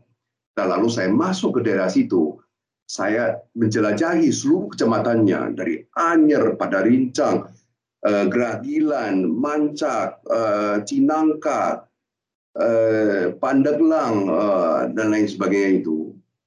Ya, Serang, Cilegon, Tirtayasa, Pontang, Tanara, saya sisir. Saya melihat bahwa usaha-usaha mikro itu di tengah pandemi ini masih sangat hidup. Nah, lalu mereka butuh modal. Tapi mereka ini modalnya ya nunggu barang sudah laku itu ada tunai lalu dibayar ke suppliernya. Nah, sehingga saya lihat supplier jualan juga dikit-dikit. Sekali nganter 500 ribu, 300 ribu. Ongkos ngirimnya di mahal sekali. Jadi agennya tidak bisa berkembang. Warungnya juga mengkel, tidak bisa berkembang karena minimnya akses uang itu. Sehingga saya mulai masuk ke Banten, saya melayani.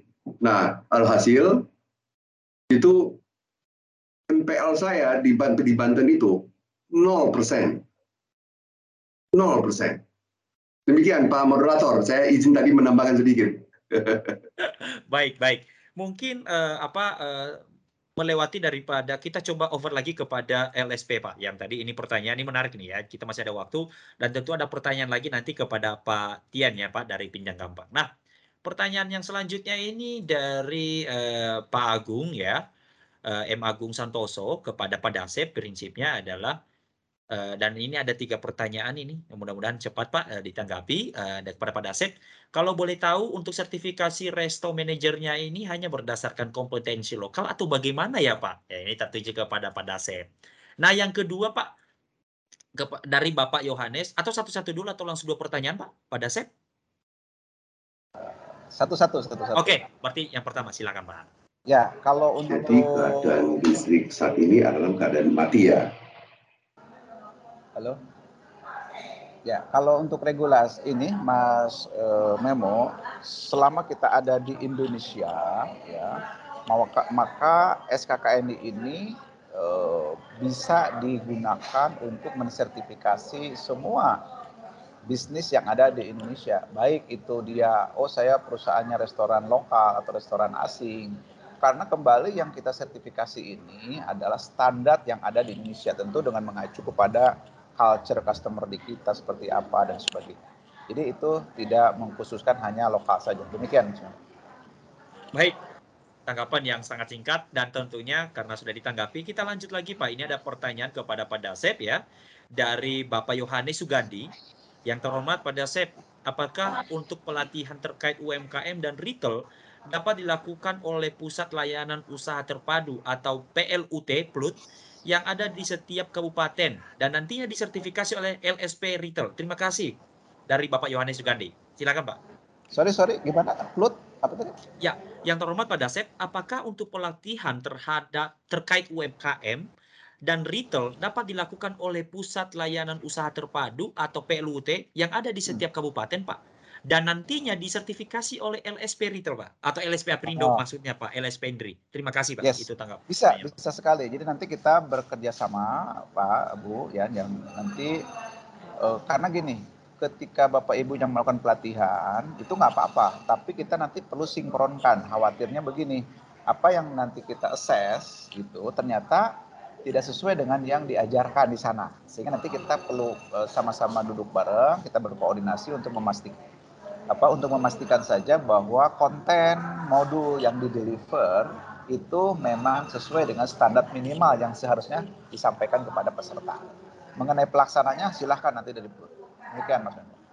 Baik, terima kasih dari tanggapan Pak Dasep yang luar biasa dan tentunya eh, langsung ada lagi nih pertanyaannya Pak. Oh, masih dari yang sama ya. Pertanyaannya tadi berkaitan dengan eh, sertifikasi resto manager tadi Pak program berapa lama untuk sertifikasi restaurant manager tersebut Pak yang tadi Pak yang ditanggapi. Kemudian kelas trainingnya saja berupa kelas training atau ada uh, model yang lain Pak. Silakan Pak. Oke. Kalau berapa lamanya sertifikasi itu sehari selesai.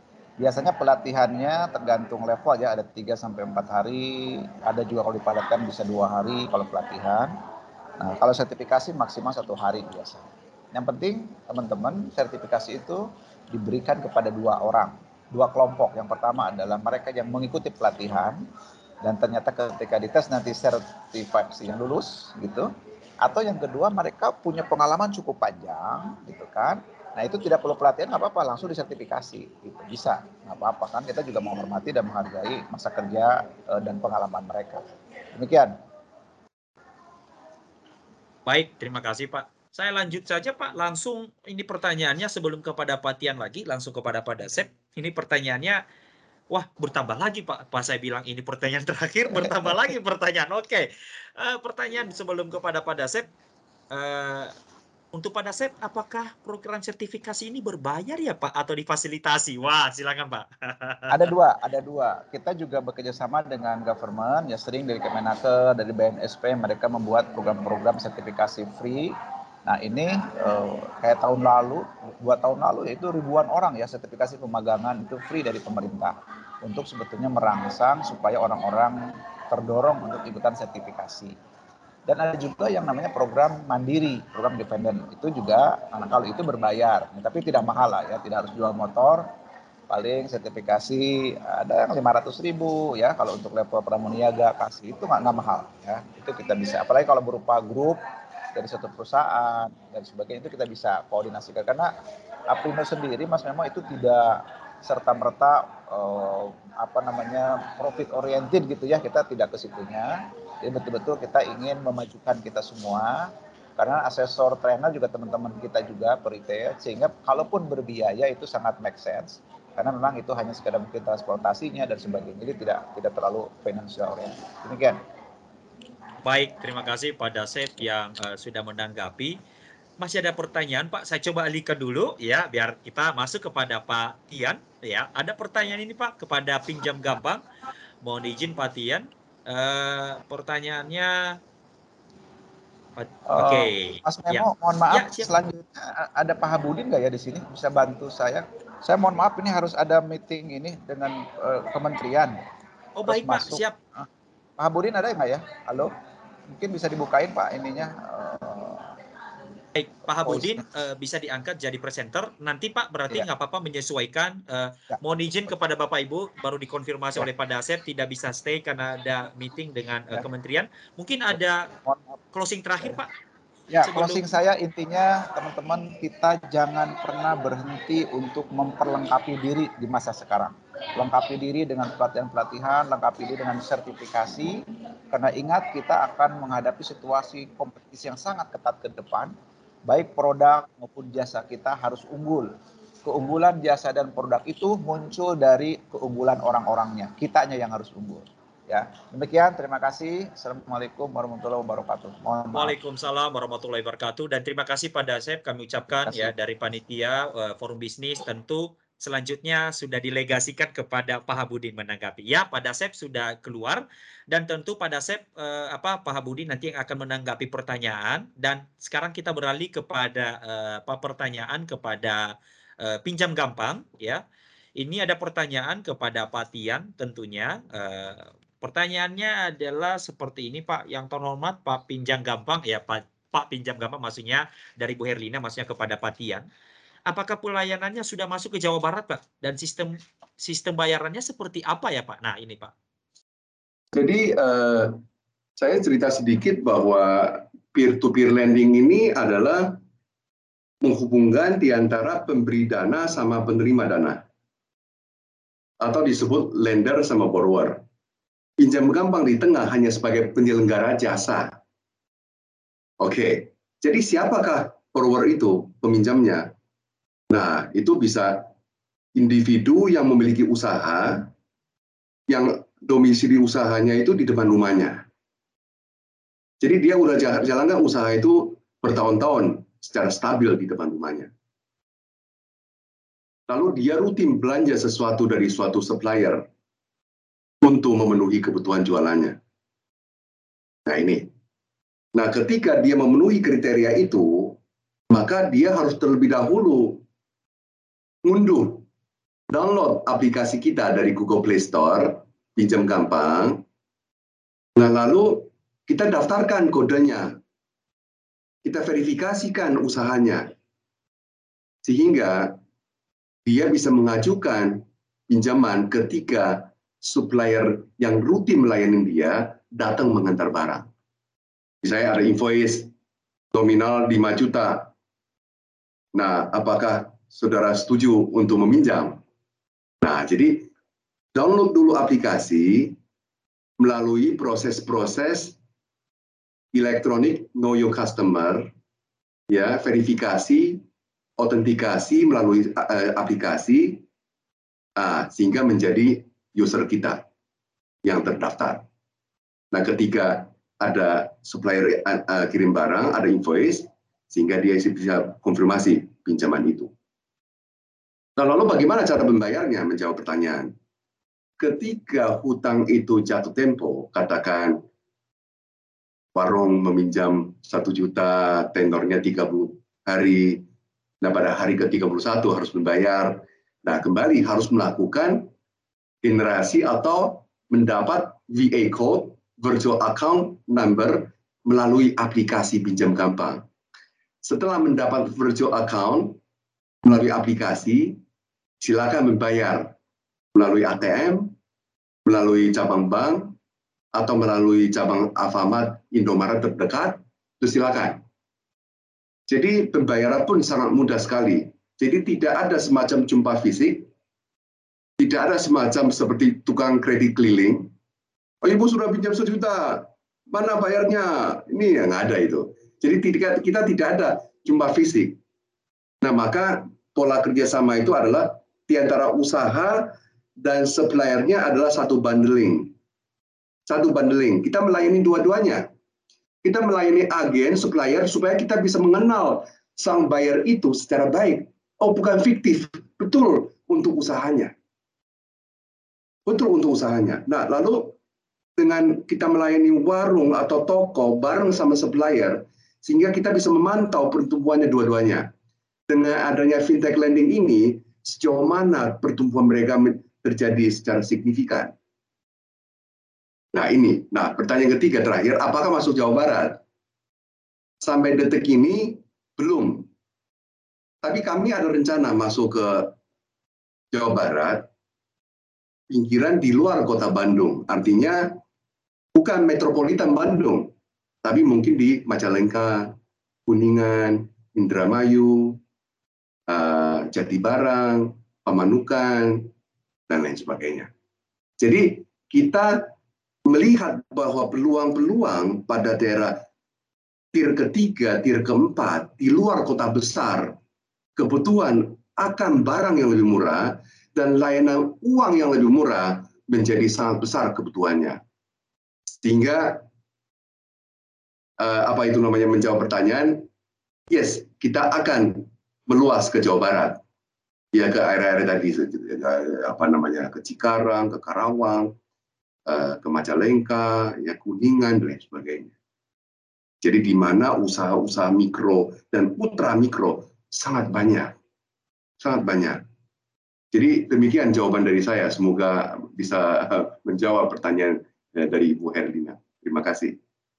Baik, terima kasih Pak Tian yang sudah menanggapi. Langsung saja Pak ada ada sedikit menanggapi Pak. Ini saya simpulkan saja beberapa pertanyaan Pak ada syaratnya nggak Pak untuk meminjam? Yang kedua, ada jaminan nggak untuk meminjam itu? Yang ketiga, ada bunganya nggak Pak? Nah itu Pak, jadi pertanyaan-pertanyaan dari para peserta ini. Saya gabung semuanya. Silakan Pak. Jadi, jadi syarat itu adalah dia adalah memiliki usaha yang solid di depan rumahnya, yang jelas, yang bukan nomaden tanpa mengurangi rasa hormat, bukan warung Madura, bukan toko Madura lah intinya. Maaf, karena nanti saya carinya susah kalau ibu berpindah-pindah itu. Oke, nah ini yang satu. Jadi usaha yang solid, berdomisili jelas, ya. Nah kedua, sudah dilayani oleh satu supplier atau agen secara kontinu, berkelanjutan. Jadi hubungan warung toko ini dengan supplier sudah sangat lama, gitu ya. Nah, ketiga, ya bunga itu kita saat ini adalah berkisaran 0,14 persen sampai dengan 0,2 persen per hari. 0,14 persen sampai 0,2 persen per hari. Berikutnya, tidak ada jaminan, tidak ada jaminan Lalu tidak ada penalti untuk keterlambatan pembayaran, hanya membayar bunga tambahan harian. Nah, biaya-biaya yang muncul dalam transaksi ini terkait dua perjanjian adalah perjanjian pinjam meminjam di antara pemberi pinjaman dan penerima pinjaman. Ini satu perjanjian. Lalu ada satu perjanjian di antara pemberi pinjaman dengan penyelenggara layanan pinjam gampang. Jadi ada dua ini perjanjian digital. Jadi supaya saya bisa mengenali nasabah-nasabah atau calon nasabah atau calon borrower, calon penerima pinjaman, kita harus melalui proses digital. Artinya, saya melakukan know your customer atau mengenali nasabah calon nasabah saya secara digital melalui layanan-layanan digital. Ini ada biaya.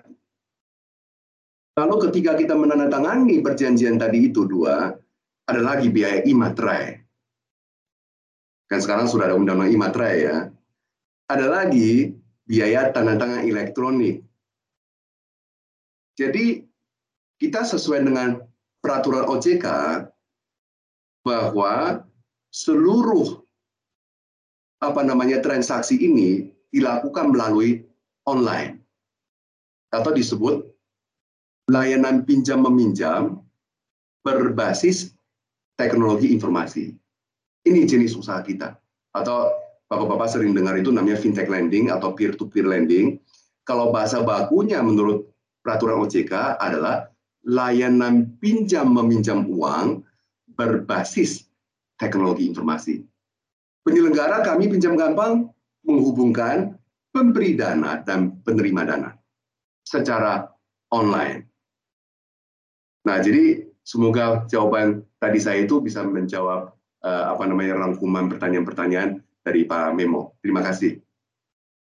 Baik, terima kasih. Saya rasa pertanyaan ini sudah dirangkum oleh Pak Tian berkaitan dengan pinjam gampang ya to lending yang yang berkaitan dengan uh, Pak uh, para speaker kita. Dan tentunya uh, sebelum kita masuk kepada session kedua, saya ingin menyampaikan bahwa uh, dalam hal ini jam kurang lebih dua menit lagi door prize register door prize akan kita tutup. Ya, door prize-nya ada tiga macam ya Bapak Ibu ya.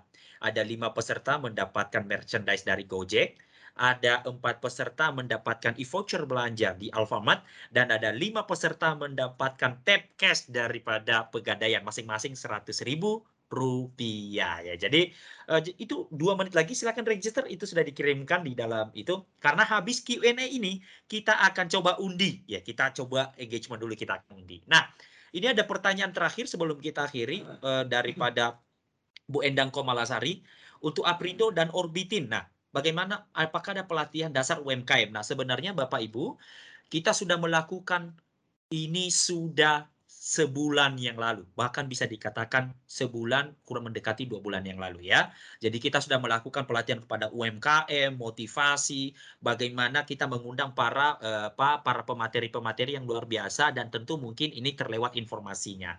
Kalau Ibu mau mendapatkan info lebih lanjut, silakan ikuti media sosial kita terutama dari orbitin.id, kunjungi website kita dan di situ semuanya kita sering bahkan aktif melakukan pelatihan-pelatihan kepada UMKM ya.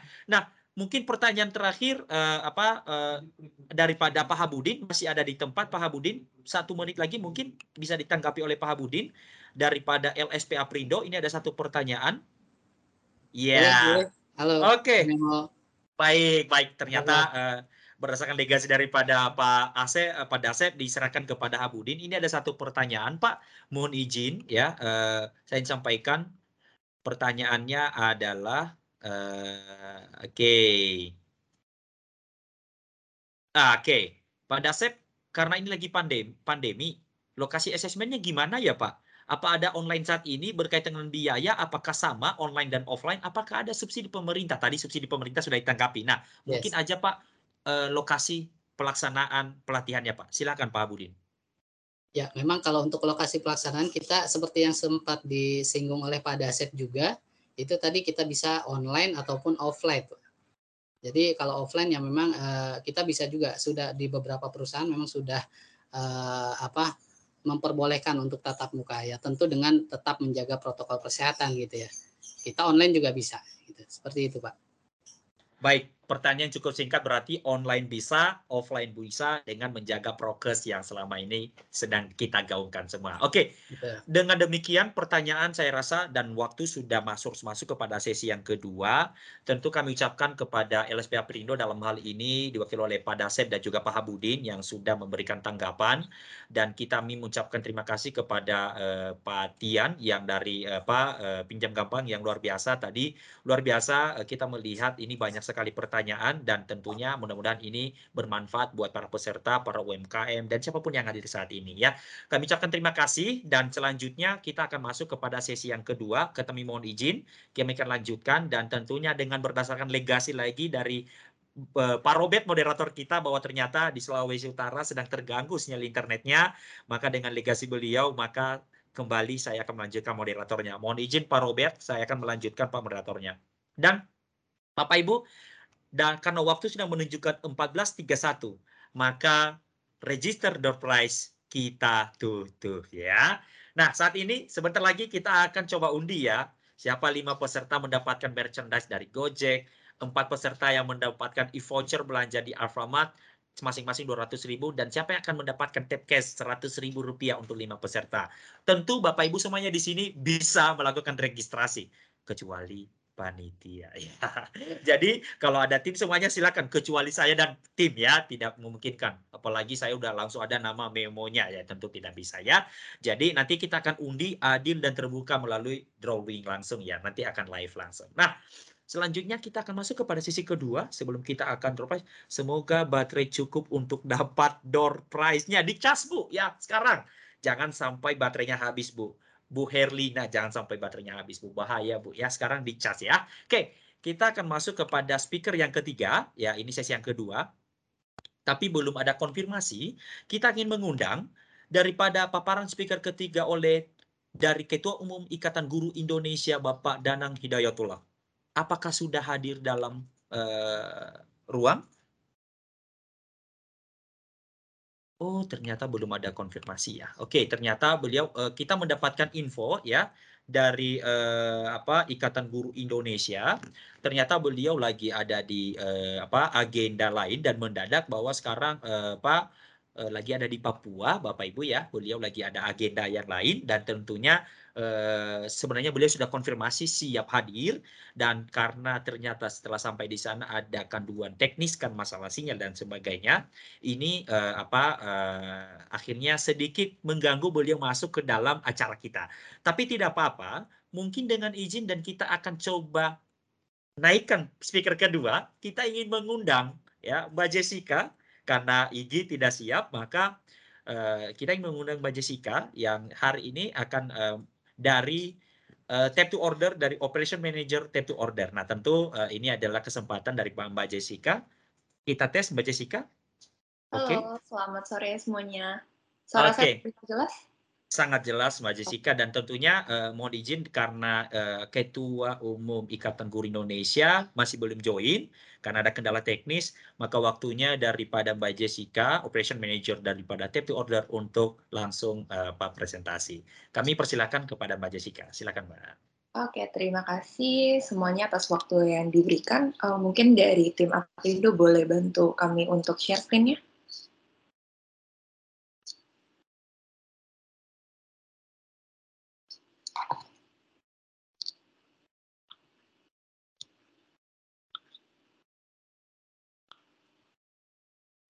Oke. Oke, sudah terlihat ya semuanya. Uh, selamat sore eh, teman-teman uh, narasumber, teman-teman peritel, serta tim Aprindo.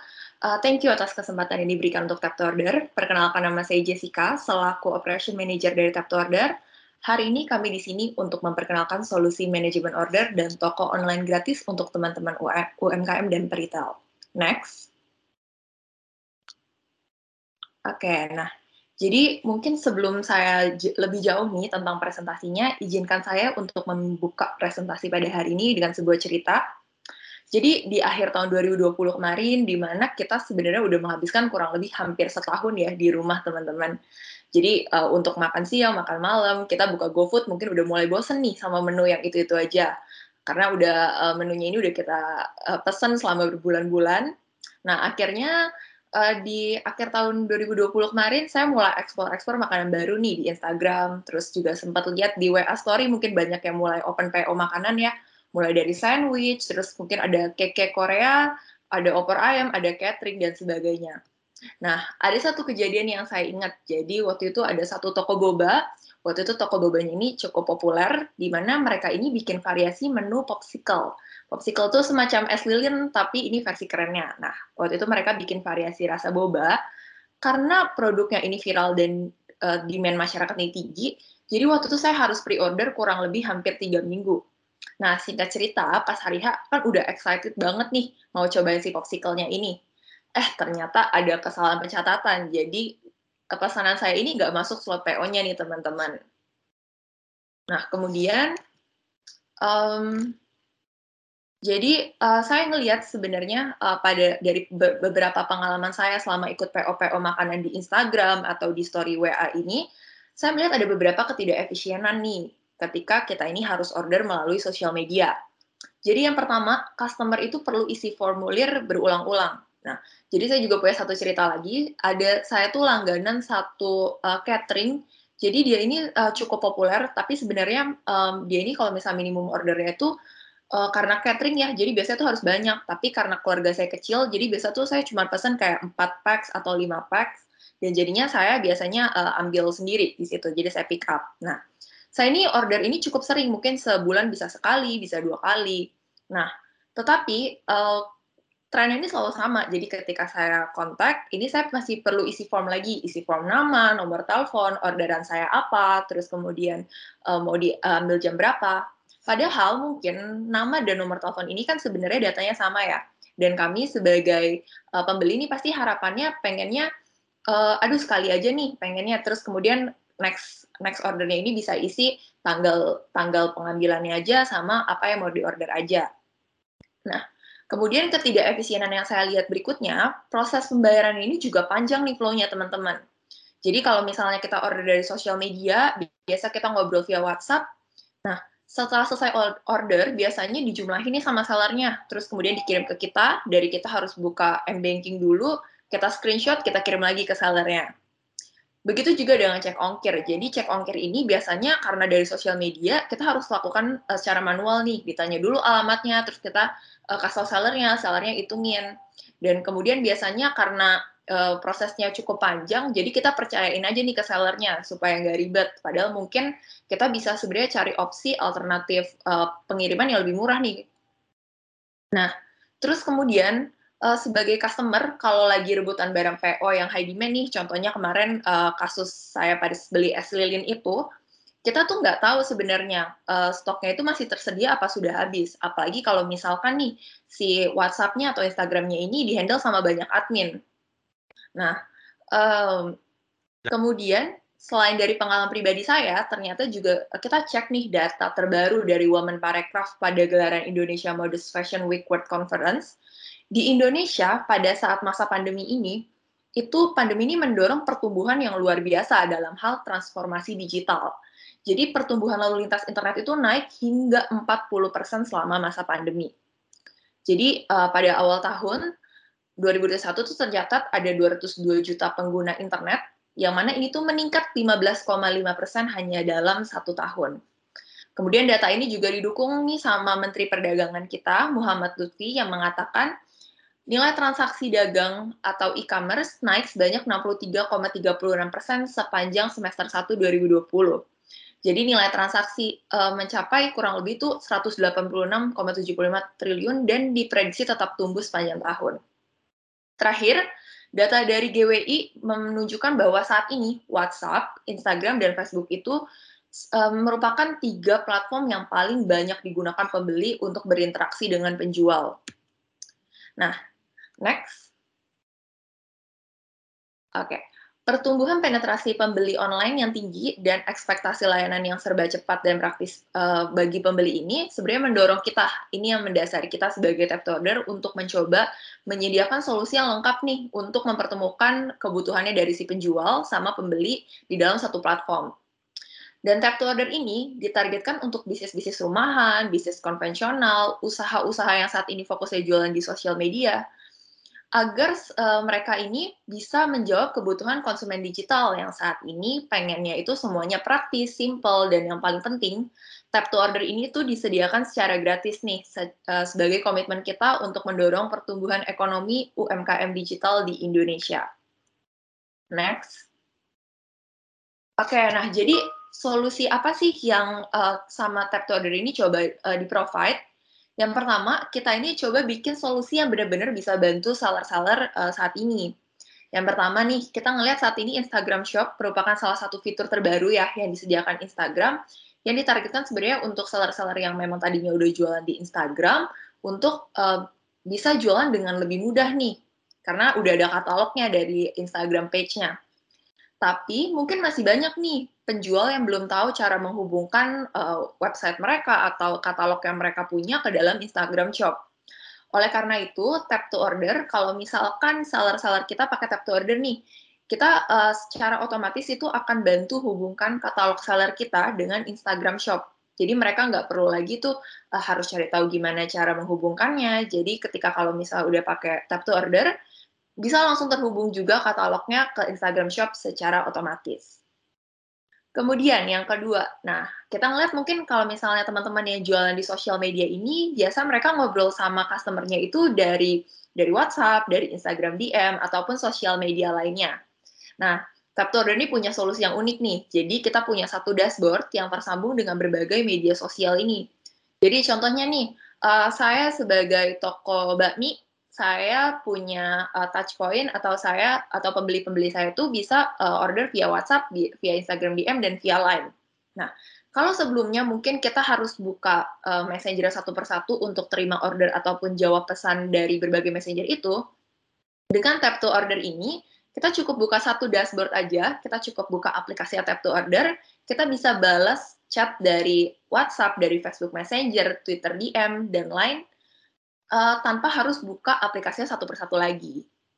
Dan yang terakhir, karena aplikasi ini memang kita desain untuk mensimplify atau membuat proses transaksi ini jadi jauh lebih simpel. Jadi, Tap to Order ini uh, merupakan satu solusi yang kita tuh bisa manage dari si order ini pada saat diterima sama seller sampai nanti order ini itu akan dikirimkan dan diterima sama pembeli kita. Nah, gimana sih caranya atau sebenarnya um, solusi apa aja yang di provide sama tap to order nanti coba kita kupas lebih lanjut ya di belakang. Next.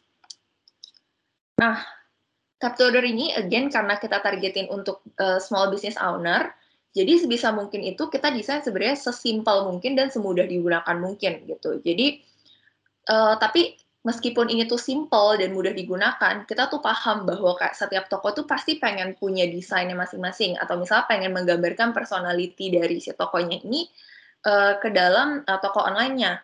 Uh, that's why uh, kita tuh tetap bisa kasih branding di dalam tap to order. Jadi satu uh, nama domainnya ini bisa menggunakan nama dari bisnisnya Uh, jadi kalau misalkan nih uh, kita ataupun misalkan nih sellernya udah punya nama toko sendiri, misalkan uh, saya punya toko bakmi namanya toko bakmi A3. Nah, bakmi A3 ini nanti kalau misalnya saya udah punya domainnya atau nama websitenya misalnya bakmia3.com, meskipun di sini kita bisa uh, kita bikinnya tap to order.io slash bakmi A3 gitu ya. Nah, nanti si linknya ini bisa dibikin jadi uh, nama tokonya .com atau .id gitu sesuai dengan keinginan dari si sellernya. Next. Oke, okay. nah kemudian berangkat dari ketidakefisienan yang tadi kita lihat di awal dan relate ke mungkin cerita saya juga. Nah, jadi kita ngelihat bahwa flow pembelian dari sosial media sekarang itu kan cukup panjang ya. Nah, dari cara pembayaran, cek ongkir. Nah, oleh karena itu, dari tap to order ini, kita sediakan banyak opsi pembayaran otomatis. Jadi, kalau misalkan nih uh, pembeli lebih suka bayarnya pakai e-wallet atau misalnya pakai transfer bank atau pakai virtual account, semuanya ini bisa menggunakan tap to order. Dan yang paling penting dari sisi sellernya itu nggak perlu cek uh, manual, tapi ini akan terkonfirmasi secara otomatis setelah si pembeli ini menyelesaikan pembayarannya. Sama juga dengan cek ongkir. Mungkin uh, kalau misalnya sebelumnya harus manual, karena tap to order ini berpartner dengan puluhan ekspedisi, jadi kita tuh bisa memberikan berbagai opsi pengiriman bagi pembeli-pembeli seller kita. Dan yang terpenting dalam berbelanja online sebagai customer itu juga pasti kan kita pengen tahu ya di mana sih posisi orderan kita. Nah, dengan tap to order ini kita nggak perlu lagi tanya manual ke seller, tapi kita bisa tracking otomatis posisi barang kita. Next.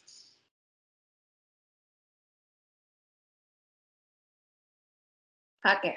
Nah, uh, berikutnya di sini kita juga ada fitur pre-order. Jadi fitur pre-order ini kita bagi ke dalam dua metode sebenarnya.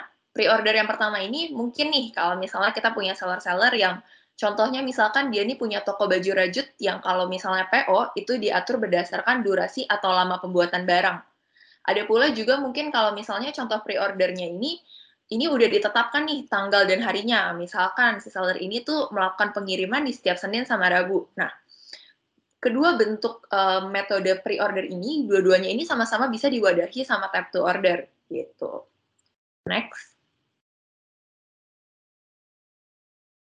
Dan yang terpenting sebagai business owner itu kita pasti pengen tahu nih software operasional di toko online kita tuh seperti apa sih.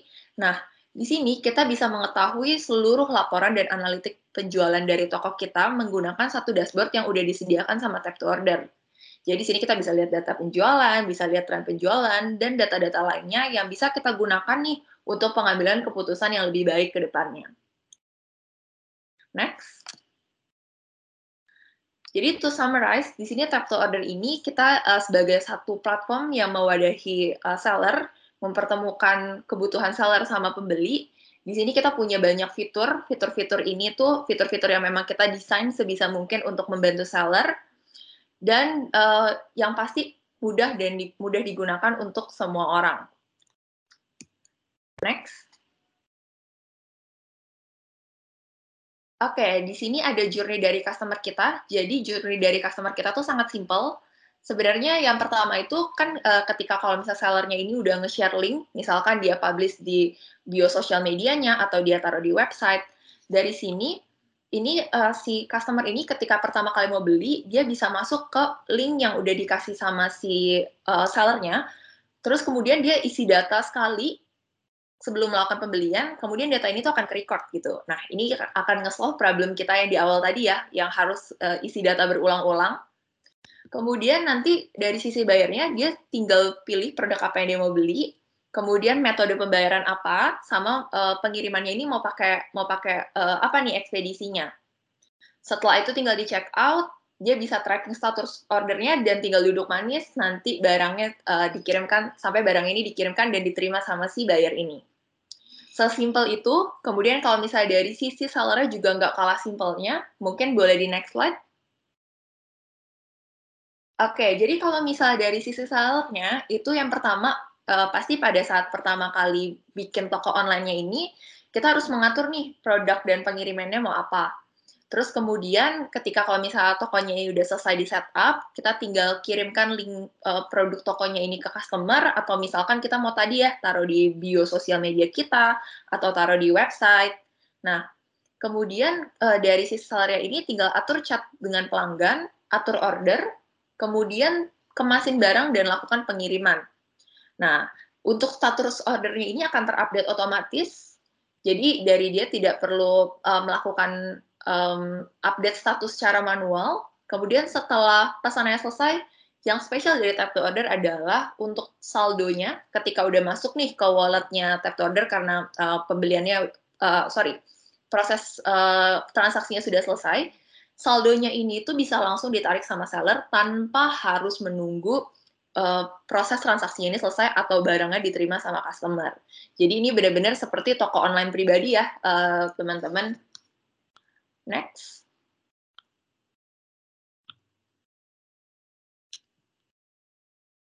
Oke, okay.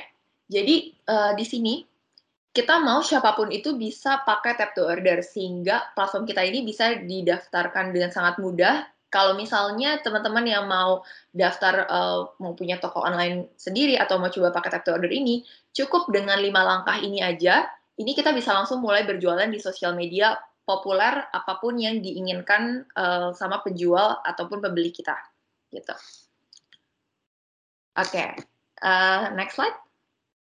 Nah, berikut link ini untuk teman-teman yang punya toko online atau yang udah mulai berjualan di sosial media nih, tapi pengen mencoba langsung pengalaman pakai tap to order.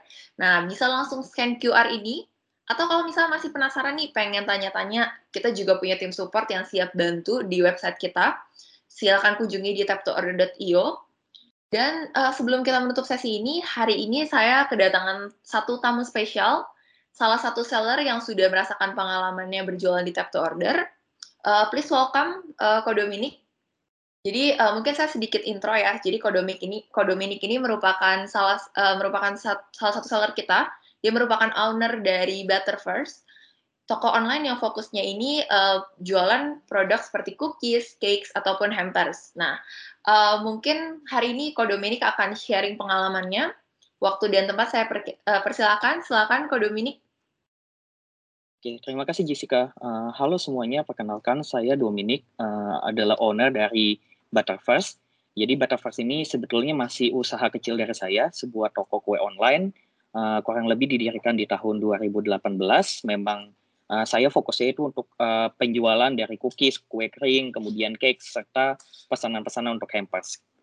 Nah, uh, kenapa saya tertarik untuk menggunakan tap order ini? Karena ada latar belakang di mana uh, untuk penjualan saya itu memang kebanyakan berasal dari media sosial nih. Jadi uh, saya biasanya menghandle dari sisi WhatsApp, kemudian menghandle dari sisi Instagram, dan juga menghandle dari sisi Facebook. biasanya ada uh, page-page dari Facebook yang komen dan biasanya berminat untuk beli seperti itu ya. Nah, kendalanya adalah karena memang masih usaha kecil dan saya masih menghandle semuanya secara sendirian, biasanya yang terjadi adalah saya kesulitan untuk memantau semua pertanyaan dari customer nih ataupun uh, produk-produk pemesanan-pesanan yang datangnya dari berbagai macam channel tadi. Itu jadinya memang uh, respon time-nya lebih lambat, saya membalasnya lebih lambat, kemudian pada akhirnya memang transaksinya tidak jadi gitu. Nah kebetulan kemarin sempat uh, ngobrol sama Jessica juga, uh, kemudian ditawarkan nih sebuah solusi yang uh, menurut saya cukup menarik ya bagi uh, kita sebagai uh, entrepreneur dari sisi UMKM gitu. Nah ini ada sebuah solusi namanya tap to order. Jadi ini juga sudah saya mulai coba pakai, mungkin sekitar tiga uh, bulanan kurang lebih untuk pemakaiannya. Salah satu dampak yang saya rasakan paling uh, berasa gitu ya dari sisi saya adalah uh, conversion rate atau uh, peningkatan penjualan dari sisi toko saya. Uh, setelah saya lihat uh, sebenarnya kenapa kita bilang penjualan bisa lebih meningkat karena ada salah satu fitur dari sisi tap order ini yang mana membuat saya bisa memantau semua pesanannya itu di dalam satu aplikasi tadi. Jadi uh, saya bisa tahu nih uh, orang yang beli itu berapa banyak, kemudian ada beberapa penjualan, kemudian pesanannya di bagian mana saja dan lain-lain seperti itu. Kemudian karena memang saya uh, fokusnya itu berjualan di Instagram gitu ya. Jadi ada fungsi di Butterfast uh, di tab produk ini yang namanya integrasi dengan IG shopping tadi gitu, yang memudahkan dari sisi pelanggan yang tadinya saya harus uh, bikin recapnya manual pesan satu-satu, masukkan form pemesanan dan lain-lain. Dengan adanya bantuan IG shop dari tab produk ini, si customernya bisa langsung beli nih. Jadi klik aja uh, link dari foto saya, kemudian dia diarahkan ke dalam website, kemudian dia melakukan pembayaran dan saya tinggal terima beres saja. Oke, ternyata ternyata ada pesanan, ada orderan dan saya tinggal siapkan saja orderannya gitu. Jadi betul-betul memudahkan saya yang tadinya harus menghandle dari customer, kemudian nanya ini mau pesan yang mana ya, kemudian oke okay, pemesanannya gini gini gini. Nah, itu semua tersimplify atau tercover oleh si dari ini. Tuh. Selain itu uh, memang uh, benefitnya lain yang saya rasakan adalah uh, engagement dari sisi customer dan saya sebagai penjual itu jauh lebih tinggi. Karena biasanya itu ketika kita responnya melalui WhatsApp itu kan memang ada uh, semacam jeda gitu ya jadinya ya. Yang mana membuat uh, pembelinya nih nanti berpikir kembali nih, oke, okay, ternyata saya mau pesan yang ini, kemudian nanti saya mesti kirimkan nomor rekening dulu. Kemudian nanti tunggu lagi ada proses tunggunya, dia perlu bayar lagi dan lain-lain gitu. Nah, dengan adanya si tap order ini semuanya kan menjadi instan, jadi satu uh, istilahnya apa ya uh, flow yang sama gitu ya. Nah dengan adanya itu uh, sehingga kita juga dari sisi penjual merasa lebih senang nih karena pembelinya itu benar-benar dari awal beli sampai dia bayar semuanya itu sudah terselesaikan oleh tap order ini. Nah mungkin di sisi lain dari sisi kita sebagai pengeluaran gitu ya dari sisi uh, entrepreneur gitu ya bahwa uh, kalau kita compare dengan toko-toko uh, e-commerce lain kan memang ada fee untuk setiap penjualan gitu. Nah sampai sekarang dari sisi tab produk ini memang belum ada fee sama sekali gitu yang mana juga membuat saya jadi semakin oke okay, kita bisa coba aja nih kita coba pakai dulu dan uh, ternyata memang menambah dari sisi transaksi saya gitu harapannya sih ke depannya dari tab produk ini makin banyak fitur-fitur yang dapat ditingkatkan juga sehingga dari sisi penjual tuh merasa semakin nyaman untuk menggunakan satu aplikasi saja nih untuk memakai atau untuk berjualan. Nah kurang lebih seperti itu sih kalau dari saya untuk pengalaman penggunaan order.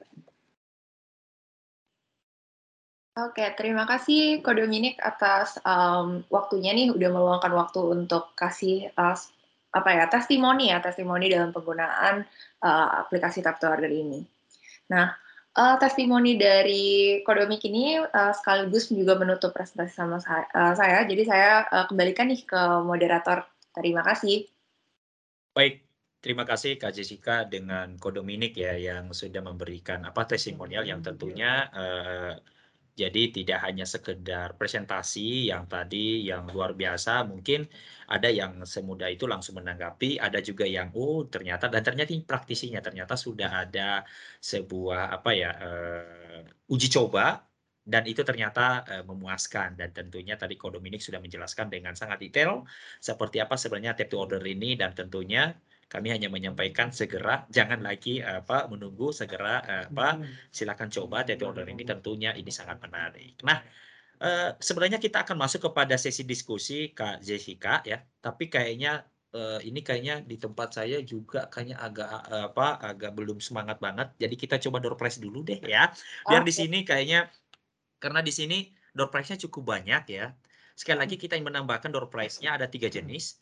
Pertama door prize-nya berupa uh, ya voucher kepada empat orang atau peserta sebesar 200.000 ya. Kemudian ada lima peserta akan mendapatkan merchandise dari Gojek dan tentunya akan ada lima peserta lagi akan mendapatkan tap cash daripada Pegadaian. Jadi masing-masing seratus ribu rupiah. Nah, tentunya di sini sudah banyak banget menanyakan link registrasinya dan sebagainya. Perlu kami jelaskan Bapak Ibu, bila Bapak Ibu ada yang registrasi setelah jam 14.30 dan namanya tidak tertera di door prize, mohon maaf uh, itu tidak tercover karena tadi peraturan kita di awal bahwa registrasi kita akan berikan di uh, waktu jam 13.00 sampai dengan 14.30. Jadi kalau sudah terlewat dari situ, maka uh, panitia memutuskan bahwa tidak tercover untuk da ikut dalam door prize ya. Jadi ini kita bersifat adil dan profesional. Tentu hal ini uh, menjadi satu pertimbangan kepada Bapak Ibu untuk ikut event-event Aprindo ke depan. Masih ada event tanggal 16 besok. Itu akan start di jam 10 sampai 12 siang itu akan fo, uh, bukan forum bisnis tapi webinar series ke-8 akan mengundang uh, apa uh, dari anggota DPR RI Republik Indonesia, ada ke, uh, Pak Ketua Umum GAMI, ada Ketua APPBI dan tentunya luar biasa uh, materi besok itu berbicara tentang kebijakan industri retail ya. Kemudian di tanggal 21 ada lagi webinar series ke-9 dan terakhir akan ditutup oleh dan menjadi keynote-nya adalah Wamendak Republik Indonesia Bapak Jerry Sambuaga ya. Jadi uh, biar lebih semangat ya kita ingin mengguidance lagi lebih semangat ya. Hari ini kita akan coba cari tiga peserta biar lebih semangat ya. Uh, di sini kayaknya terlalu serius banget. Uh, kayaknya banyak yang menunggu nih kapan door prize-nya, kapan door prize-nya dan kapan door prize-nya. Ya, tadi ada yang berdoa semoga saya yang keluar ya door prize-nya. Nah, sekarang kita uh, undi mohon kepada tim Orbitin. Baik, ya. Oke. Ya. Belum tapi. Oke, kita tunggu ya. Oke.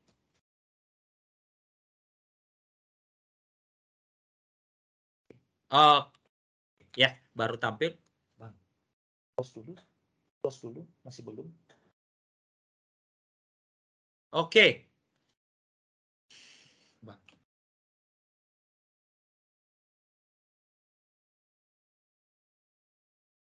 Ternyata sudah diklik ya. Dan ini adalah undian pertama kepada peserta yang mendapatkan merchandise dari Gojek Indonesia ya. Jadi yang kita undi pertama ini adalah merchandise dari Gojek Indonesia ya. Jadi selamat kepada Kiara Divka, selamat kepada Kiara Divka ya yang mendapatkan merchandise dari Gojek Indonesia. Sekarang kita cari lagi peserta kedua yang mendapatkan merchandise dari Gojek Indonesia. Kita persilakan untuk di drop. Oke.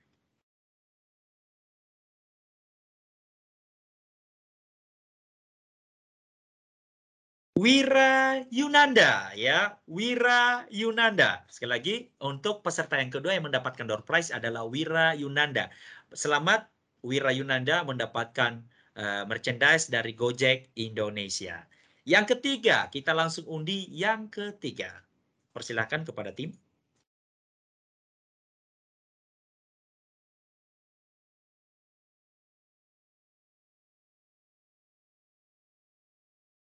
Mohon maaf, ini ya. Oke, di saya sedikit akan ngelek sinyalnya dan ternyata yang ketiga itu adalah lesi sugesti ya. Sekali lagi lesi sugesti. Nah, selamat kepada para peserta ya yang uh, selesai dulu ya, selesai dulu.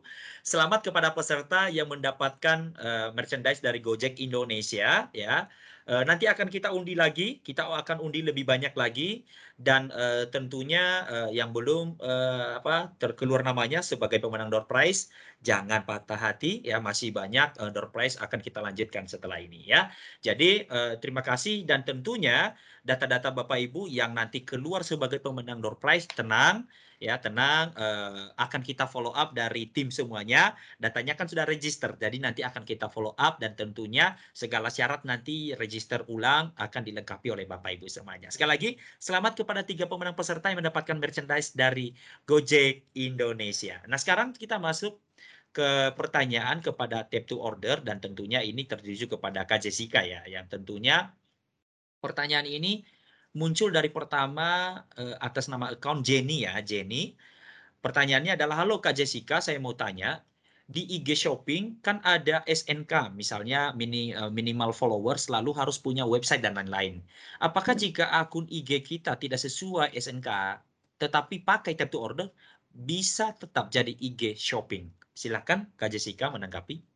Oke, terima kasih atas pertanyaannya. Jadi kalau misalkan untuk website ya, misalnya yang pertama dulu uh, tidak punya website, jadi tap order ini membantu uh, para penjual atau seller-seller itu untuk bisa punya website gitu dengan menggunakan tap order.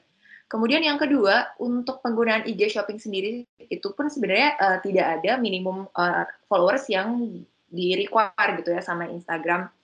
Uh, jadi meskipun kayak kalau misalkan nih followersnya dirasa nggak banyak, nah itu tetap bisa menggunakan fitur IG shopping ini. Jadi jawabannya tetap bisa.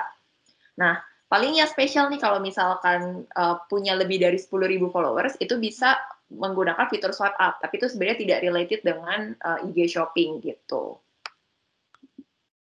Oke, okay, oke, okay, baik. Terima kasih. Nah, tentunya di sini masih ada sesi uh, diskusi kepada uh, apa uh, tap to order dan tentunya buat teman-teman semuanya. Nah, ini langsung ada muncul pertanyaan ini ya. Kak Jessica bis Oke, oke. Kak Jessica bisa dipraktekkan aplikasi tap to order asing buat saya. Nah, ini kayaknya langsung lihat praktisnya nih Kak. Masalah tentang aplikasi tap to order. Gimana? Mohon ditanggapi Kak Jessica. Oke, okay. uh, eh, mungkin kalau misalkan untuk live demonya nanti kita bisa uh, prepare di belakang kali ya, karena hari ini kan sebetulnya kita belum prepare untuk yang live demonya nih gitu. Baik, ya jadi uh, buat yang bertanya nih atas uh, account ya Agus Murti ini, mohon izin ya tadi sudah tanggapi ya. Jadi uh, belum memang disetting uh, apa presentasi hari ini langsung ke demo ya. Jadi nanti mungkin next siapa atau uh, bagaimana misalnya di para peserta ini bisa join ke tap to order Kak Jessica hal yang lebih mudah sedangkan nanti masalah demo dan yang lain ini bisa dipraktekkan atau bisa di exercise mm -hmm. ada ada mungkin uh, apa uh, tanggapan supaya mereka bisa exercise? Oke, okay. sebetulnya tadi kalau misalnya kita lihat di uh, slide-nya sempat ada link ya. Nah, itu sebenarnya uh, satu untuk kalau misalnya mau mulai nih trial-trial, since uh, Tap to Order ini merupakan aplikasi yang gratis, jadi bisa langsung dicoba dari website kita di taptoorder.io, bikin akun aja, stepnya sangat mudah, cukup dengan lima langkah itu udah langsung bisa berjualan, gitu. Oke, okay. siap. Oke, okay, atau, terima kasih. Atau mungkin hmm. sih, uh, kalau misalkan memang yang ada mau di uh, secara private ya diberikan live demo, itu bisa drop uh, emailnya, nanti tim kita akan kontak dan kita akan uh, adakan meeting habis ini ya untuk bikin sesi live demo. Wah, jadi itu jadi lebih lebih menarik lagi ya. Jadi uh, silakan saja mungkin kalau ada email kepada apa uh, account Agus Murti ini bisa menyampaikan emailnya nanti akan di follow up oleh tim uh, apa tap to order untuk langsung bisa exercise kapan ada meeting ya. Terima kasih uh, pertanyaan dari account Agus Murti ini dan ini satu pertanyaan lagi nih Kak Jessica kepada Nen dari account Nenli Wijaya. Oke, uh, nah emailnya sudah ada. Silakan mungkin ada tim ya mengambil ya murtini agus uh, 5 at gmail.com. Nah ada pertanyaan ini, izin bertanya Kak Jessica Jacob untuk di IG setiap upload iklan apa harus selalu pakai caption ya Kak? Nah itu mungkin tanggapannya Kak Jessica. Oke, untuk iklan apa ini ya? Untuk uh, iklan di poskah atau seperti apa? Nah, mungkin ditanggapi Kak Nelly ya atau Bu Nelly mohon izin kalau atau bukan Nelly bisa menanggapi uh, chat uh, apa uh, di chat ini iklan apa yang dimaksud sehingga kita bisa uh, menanggapi atau Kak Jessica Jeko bisa menanggapi. Hmm. Ya. Oke, sambil menunggu pertanyaan yang lain, ini masih banyak iklan produk makanan di postnya Kak. Nah, silakan Kak Jessica, iklan produk makanan. Oke, iklan produk makanan ya. Jadi sebetulnya untuk upload produk itu nggak harus pakai caption, tapi bisa uh, lebih menambah uh, appeal-nya nih jika ada captionnya seperti itu. Jadi nanti bentuknya itu uh, kalau misalkan di kita untuk yang mungkin uh, katalog katalog order ya, jadi nanti bentuknya itu post dan di setiap post itu bisa ada tag produknya nih gitu. Jadi mungkin kalau misalnya kita lihat nih di postingan-postingan online shop, kalau misalnya di Instagram itu kan biasa uh, ketika ini memang dia terkoneksi dengan IG shopping, di captionnya uh, atau misalnya di fotonya itu ada yang tag yang kita bisa klik, di mana nanti ada produk, ada harga barangnya. Nah itu uh, nanti itu produknya itu ketika dibuka itu kita bisa akses dan bisa buka detail produknya itu dari tap to order. Jadi kalau misalnya dari si pelanggan atau followers itu bisa langsung lihat transaksi secara langsung dari Instagram. Oke, terima kasih ya pertanyaan dan tentunya uh, itu sudah di follow up oleh tim ya, tap to order dari apa Kak Berlin dan tentunya hal ini sudah menjawab pertanyaan tidak mungkin uh, pertanyaan daripada uh, Bu Kak Nelin ini sudah menanggapi pertanyaan apa sudah mewakili daripada pertanyaan pertanyaan yang lain. Nah, hmm sebelum next lagi menunggu pertanyaan lagi Kak Jessica, kita selesaikan dulu lagi deh door prize yang dua orang ya dari okay. merchandise Gojek Indonesia ya tadi sudah tiga orang dan kita selesaikan dua peserta lagi. Jadi kita mengundang kepada tim bisa melakukan drawing ya dua orang lagi. Semoga Bapak Ibu atau peserta siapa pun beruntung mendapatkan merchandise dari Gojek Indonesia.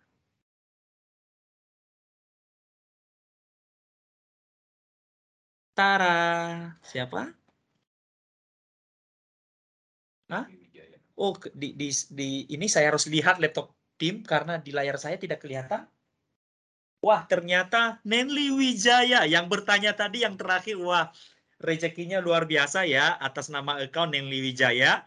Selamat. Wah, baru muncul ternyata uh, suara saya nge-freeze. Oke, okay, oke. Okay. Ternyata di saya agak ngelek ya. Uh, jadi selamat buat Nenli Wijaya yang sudah uh, menjadi peserta keempat mendapatkan uh, merchandise daripada Gojek Indonesia. Nah ternyata tadi pertanyaan-pertanyaan tadi dari uh, Kan Nenli Wijaya ternyata membuahkan rezeki dan ternyata menjadi peserta keempat mendapatkan door prize daripada Gojek Indonesia, merchandise dari Gojek Indonesia. Yang kelima kita akan cari dan yang terakhir mendapatkan merchandise dari Gojek Indonesia. Yang terakhir silahkan.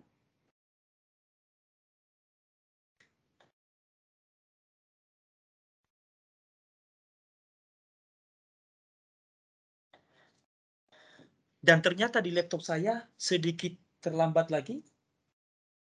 Atas nama Ibu Leli Leli Suryani. Ya ternyata atas nama Leli Suryani selamat mendapatkan merchandise dari Gojek Indonesia. Ya.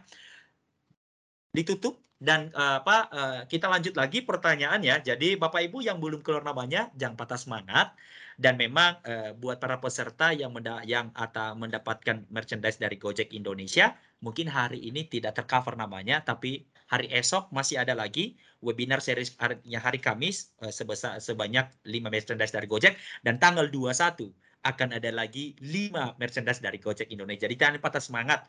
Dan hari ini kita sediakan uh, apa door prize lagi ya untuk tap cash sebesar 100.000 dari Pegadaian dan akan ada empat orang mendapatkan e-voucher belanja di Alfamart ya. Oke. Maka kita lanjut lagi nih Kak Jessica sepa, uh, beberapa pertanyaan uh, kepada uh, Kak Jessica ya untuk tap, uh, tap to order. Hai Kak Jess, uh, seberapa penting sih pemberian hashtag saat upload foto di IG? Nah, hashtag nih Kak, silakan Kak. Oke. Okay. Terkait hashtag ya, hashtag ini sebenarnya sangat penting ya karena bisa menambah kemungkinan untuk dicari atau diakses sama orang lain nih. Apalagi uh, kalau misalnya dengan ada hashtag itu kan sebenarnya mengelompokkan ya foto atau post tertentu ke dalam satu kelompok uh, sesuai dengan hashtagnya. Yang mana ini tuh sebenarnya bisa meningkatkan potensinya untuk dilihat lebih banyak orang yang memang punya minat sama hashtag tersebut gitu. Jadi misalnya kalau misalnya kita ada uh, hashtag, nanti misalnya kita lagi bikin uh, hampers gitu ya saat kita bikin hashtag hampers, nah nanti ketika orang uh, klik klik hashtag hampers itu, itu uh, hashtag tersebut itu jadi bisa dicari oleh orang-orang yang memang punya minat ke sana dan potensi produknya itu bisa dilihat di feed Instagram orang yang mencari seperti itu. Jadi jawabannya sangat penting ya untuk penggunaan hashtag di Instagram ini. Oke, baik. Eh, terima kasih tanggapan daripada Kak Jessica ya. Tentu uh, kita melihat di sini juga sangat antusias pertanyaannya dan itu ditanggapi oleh Kak Berlin. Wah terima kasih untuk antusiasnya teman-teman.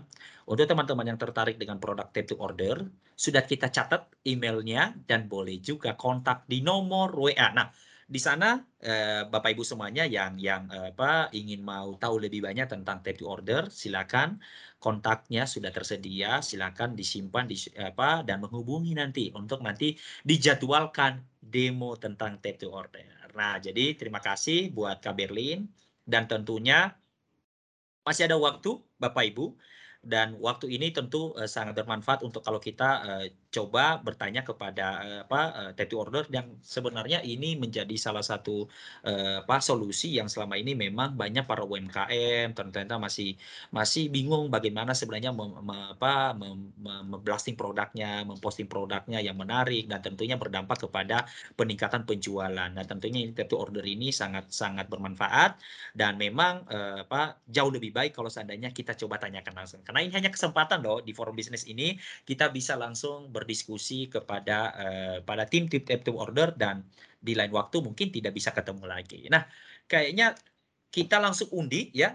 Kita langsung undi lagi deh door price-nya kayaknya biar lebih semangat lagi ya bertanya kepada Kak Jessica. Mungkin nanti dengan pertanyaan ini lebih semangat lagi mau bertanya ya. Jadi Bapak Ibu, kita akan undi lagi untuk saat ini peserta yang apa uh, berjeki mendapatkan hadiah berupa tapcase sebesar seratus ribu rupiah. Jadi tapcase ini di apa disupport oleh Pegadaian ya apa PT Pegadaian dan tentunya kami ucapkan terima kasih dan sekarang kita siap untuk mencari peserta yang mendapatkan tapcase sebesar seratus ribu yang pertama. Silakan pada tim.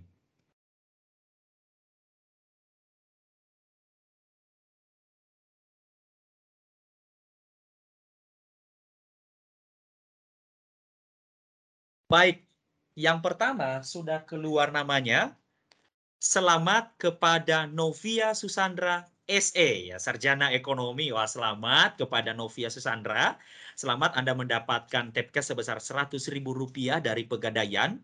Dan uh, tenang, nanti akan di follow up oleh tim langsung. Jadi jangan uh, ragu gimana cara mendapatkan ya ini nanti akan di uh, follow up oleh tim pada prinsipnya. Jadi selamat lagi untuk Bu Novia Susandra SE ya. Yang kedua, kita ingin mencari siapa peserta yang beruntung hari ini mendapatkan tips cash sebesar Rp100.000 dari Pegadaian. Dipersilakan.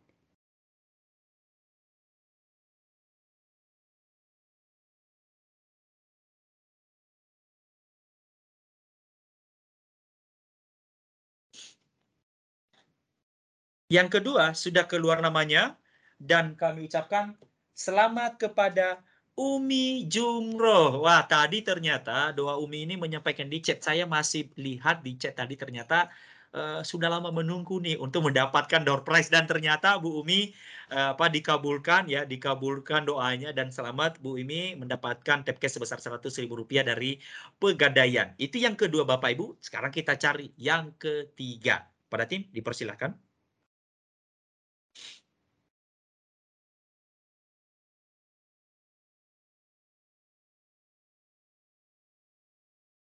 Baik, kepada yang keluar adalah nama Ibu Sri Istiani. Ya, selamat kepada Ibu Sri Istiani menjadi peserta ketiga yang mendapatkan tapcase sebesar Rp100.000 dari Pegadaian.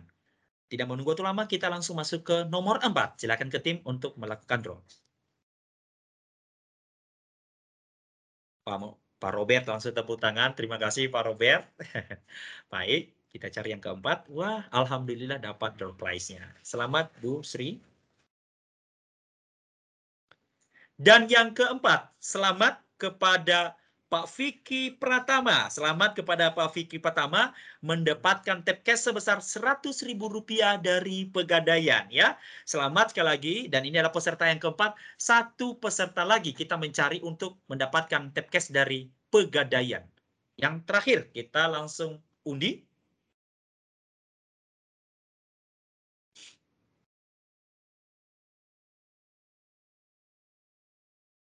Baik, muncul nama yang terakhir dan kelima yang mendapatkan tap cash 100 ribu dari Pegadaian adalah Bu Latifah Triastuti. Selamat kepada Bu Latifah Triastuti dan tentunya uh, sekali lagi kami ucapkan kepada peserta masih ada saat apa empat orang lagi untuk mendapatkan e-vouchers belanja di Alfamart sebesar 200.000 per peserta ya. Jadi jangan patah semangat. Lima orang sudah tercover mendapatkan merchandise dari Gojek Indonesia. Lima peserta sudah mendapatkan tap cash daripada Pegadaian dan yang terakhir adalah empat peserta untuk mendapatkan e-vouchers belanja di Alfamart. Jadi jangan patah semangat, tetap stay tune dan ikuti sampai akhir. Lanjut kepada Kak Jessica nih pertanyaannya, waduh ternyata muncul lagi pertanyaan ini Kak Jessica, sangat-sangat apa uh, semangat para pesertanya. Dan Kak Jessica untuk UMKM yang join di Tap to Order sama seperti join di Shopee ya, apa ada syarat tertentu dan biaya administrasi agar produk kita bisa diprioritaskan untuk ditampilkan? Silakan Kak Jessica. Oke, jadi mungkin uh, saya jelaskan sedikit ya kalau misalkan uh, dibandingkan sama e-commerce sebenarnya ada perbedaannya nih. Kalau eh sorry, kalau misalkan Shopee ini kita itu hitungannya marketplace di mana satu aplikasi itu isinya ada banyak seller gitu. Sedangkan uh, Shopee ini sebagai wadahnya. Berbeda dengan tap to order, kalau misal tap to order ini adalah uh, wadah di mana ini tuh ketika sellernya pakai aplikasi tap to order, aplikasi ini tuh akan jadi toko online-nya, toko online-nya si seller ini gitu. Jadi di dalamnya nggak akan ada uh, toko online lain. Oleh karena makanya kalau misalnya kita bisa lihat di domainnya juga itu kan uh, di custom ya, misalkan tap2order.io slash uh, nama toko seperti itu.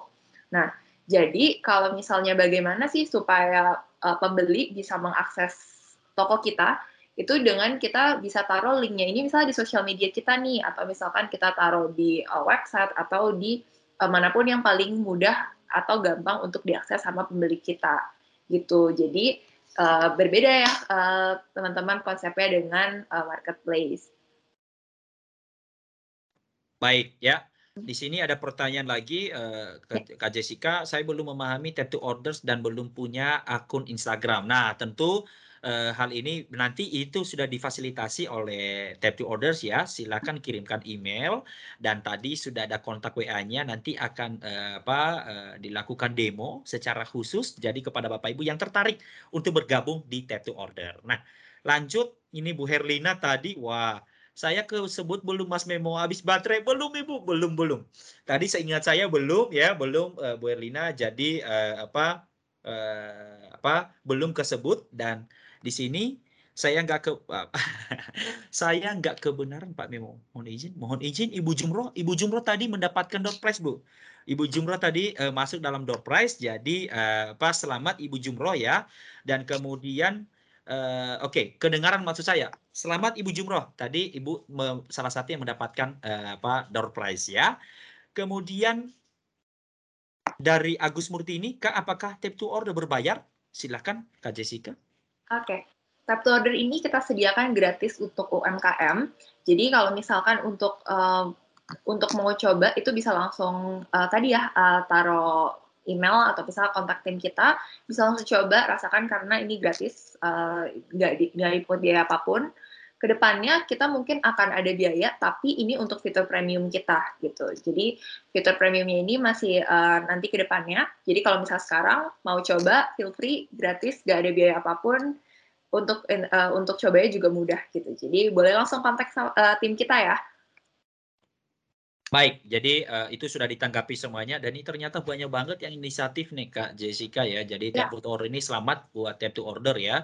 Jadi uh, ini pentingnya kita mempertemukan uh, para mitra-mitra, saling sharing dan tentu sharingnya tidak hanya sharing berbagi knowledge saja tetapi langsung kepada practitioner untuk bisa saling mensupport satu sama lain. Jadi uh, sekali lagi selamat dan tentunya oke okay, Kak Jessica, jadi sistem seperti memiliki toko online sendiri ya.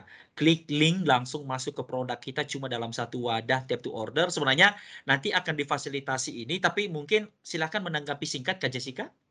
Oke, okay. uh, eh, betul. Jadi uh, konsep dari tap to order ini tuh ngebantu teman-teman yang tadinya jualan di sosial media, kita wadahi untuk bisa punya toko online sendiri, katalog sendiri, dan jadi kalau misalkan nanti dari kalau misalnya dari sosial media uh, teman-teman nih uh, sebagai seller ketika kalau misalkan mau ngarahin pembeli untuk beli produknya, tinggal masuk dari link, kita punya fitur yang namanya link in bio, mungkin kalau misalnya teman-teman tahu lebih familiar dengan seperti link tree ya, Jadi uh, link ini nanti ketika diklik masuk ke website kita, terus kemudian kalau misalnya dari seller, uh, sorry dari buyer mau check out, tinggal check out dari website kita aja gitu. Oke, baik. Terima kasih uh, tanggapan daripada Kak Jessica dan uh, apa uh, pertanyaan itu tadi menutup uh, daripada uh, apa uh, presentasi terakhir dari Kak Jessica ya. Sebelum kita uh, apa masuk kepada door prize dan kita akhiri ya, uh, kita akhiri saya ingin minta uh, statement terakhir dari Kak Jessica dari Operation Manager Repeated to Order untuk di closing. Silakan Kak Jessica. Oke. Okay. Uh, kalau dari saya, saya mau mengucapkan terima kasih nih untuk uh, teman-teman peritel yang sangat antusias, kemudian juga tim Aprindo yang sudah mewadahi kita. Uh, hopefully uh, kita uh, silaturahminya nggak sampai sini aja. Jadi abis ini kalau misalkan ada yang mau penasaran nih lebih lanjut, pengen punya toko online sendiri atau yang tadinya punya sosial media mau jualan dengan lebih efisien, uh, boleh langsung kontak kita. Kita akan bantu sebisa mungkin. Kita akan berikan demo dan kita akan bantu untuk teman-teman uh, supaya bisa uh, maju sama-sama nih untuk mendorong digital uh, transformasi digital di Indonesia. Seperti itu. Terima kasih atas perhatiannya. Selamat Baik. sore. Selamat sore Kak Jessica dan uh, itu adalah presentasi terakhir daripada Tattoo Order dalam hal ini diwakili oleh Kak Jessica dan tim.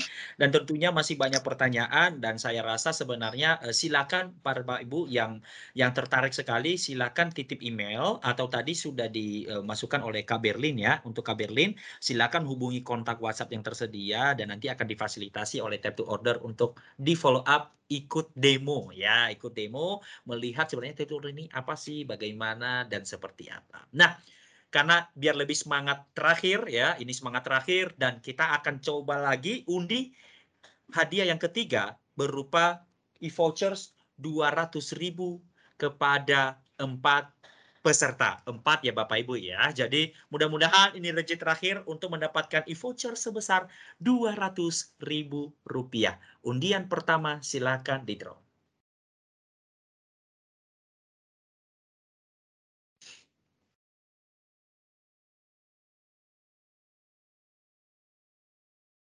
Baik, nama pertama sudah keluar dan ternyata nama pertama yang muncul adalah Rahmat Santana ya. Sekali lagi Rahmat Santana. Selamat kepada Rahmat Santana yang mendapatkan e-vouchers belanja di Alfamart sebesar 200 ribu rupiah ya. Selamat, selamat sekali lagi Pak Rahmat Santana. Langsung kita undi peserta yang kedua.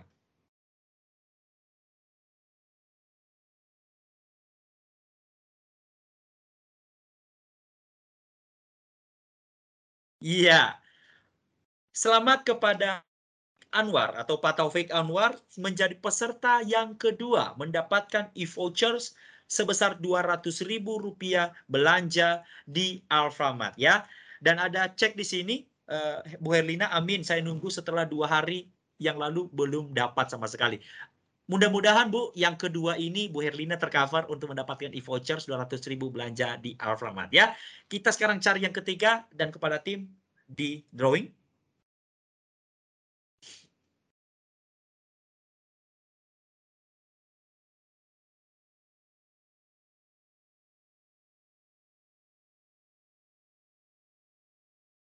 Yang muncul siapa? Baik, yang muncul adalah Pak Kusno Isnu Groho. Kusno Isnu Groho yang mendapatkan e-vouchers belanja di Alfamart sebesar Rp200.000 untuk peserta yang ketiga. Mudah-mudahan yang keempat ini adalah uh, Bapak Ibu yang berharap dan tentu semuanya tidak akan dapat uh, ya yang merejeki hari ini dan yang terakhir mudah-mudahan nama Bapak Ibu yang kedua ya. Ini yang terakhir silakan di drop.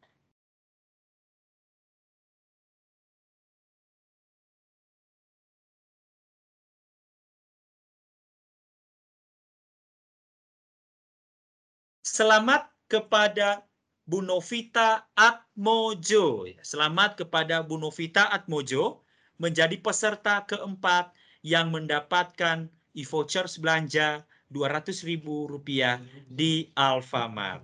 Baik, jadi demikian uh, apa door prize yang kita uh, apa sediakan kepada Bapak Ibu semuanya hari ini.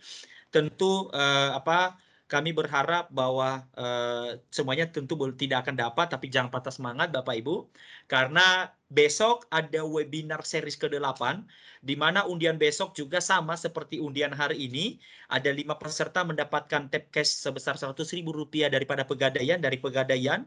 Kemudian ada empat peserta mendapatkan e-vouchers belanja di Alfamart sebesar Rp200.000 dan akan ada lima peserta mendapatkan merchandise dari Gojek Indonesia. Tentu kami berharap Bapak Ibu mendapatkan uh, info webinar besok ya dan uh, nanti akan tim mengirimkan kepada Bapak Ibu semuanya dan segera register untuk bisa uh, dikirimkan link info besok ya. Dan selanjutnya untuk itu juga kami mendapatkan konfirmasi ternyata dari Ikatan Guru Indonesia Ketua Umum Ikatan Guru Indonesia ternyata saat ini lagi apa dalam posisi sinyal yang tidak mendukung dan tidak support dan hal ini uh, akhirnya kita akan lewati dan begitu juga karena IGI tidak bisa ketua umum tidak bisa memberikan presentasinya maka forum bisnis hari ini juga kita selesaikan. Kami ucapkan terima kasih kepada Bapak Ibu yang sudah uh, bersedia menjadi uh, peserta dan tentunya kepada para speaker yang tadi Pak Solihin Sekjen DPP Aprindo yang memberikan welcomingnya Eh, kemudian Pak Dr. Dasep Suryanto, Direktur Lembaga Sertifikasi Profesi Insan Retail Indonesia, Bapak Tian Jinjing, Direktur Utama PT Credit Plus Teknologi, dan Bapak Danang Hidayatullah belum join karena ada kendala teknis, Ketua Umum Ikatan Guru Indonesia, dan yang terakhir adalah Bu Jessica Jacob, Operation Manager Tap to Order yang luar biasa yang sudah sharing-sharing kepada peserta forum bisnis hari ini. Kami ucapkan terima kasih kepada para speaker kita yang sudah bersedia meluangkan waktunya dan kami ucapkan selamat kepada Bapak Ibu yang mendapatkan door prize hari ini. Jangan patah semangat yang belum keluar namanya masih ada esok hari untuk mudah-mudahan namanya bisa tercover menjadi uh, mendapatkan door prize ya. Kami ucapkan terima kasih juga kepada Pak Robert yang sampai hari ini sudah join dan ternyata Bapak Ibu Pak Robert sudah bersedia menjadi moderator dan ternyata ada kendala teknis di sinyalnya. Jadi dengan uh, apa uh, apa legasi dari beliau saya diwakilkan dan diberikan amanah untuk menjadi moderator sekaligus mengendalikan acara. Jadi terima kasih Pak Robert, Sekretaris DPD Aprindo Sulawesi Utara yang hari ini uh, Pak uh, sudah bersedia menunggu kita sampai akhir di forum bisnis ini.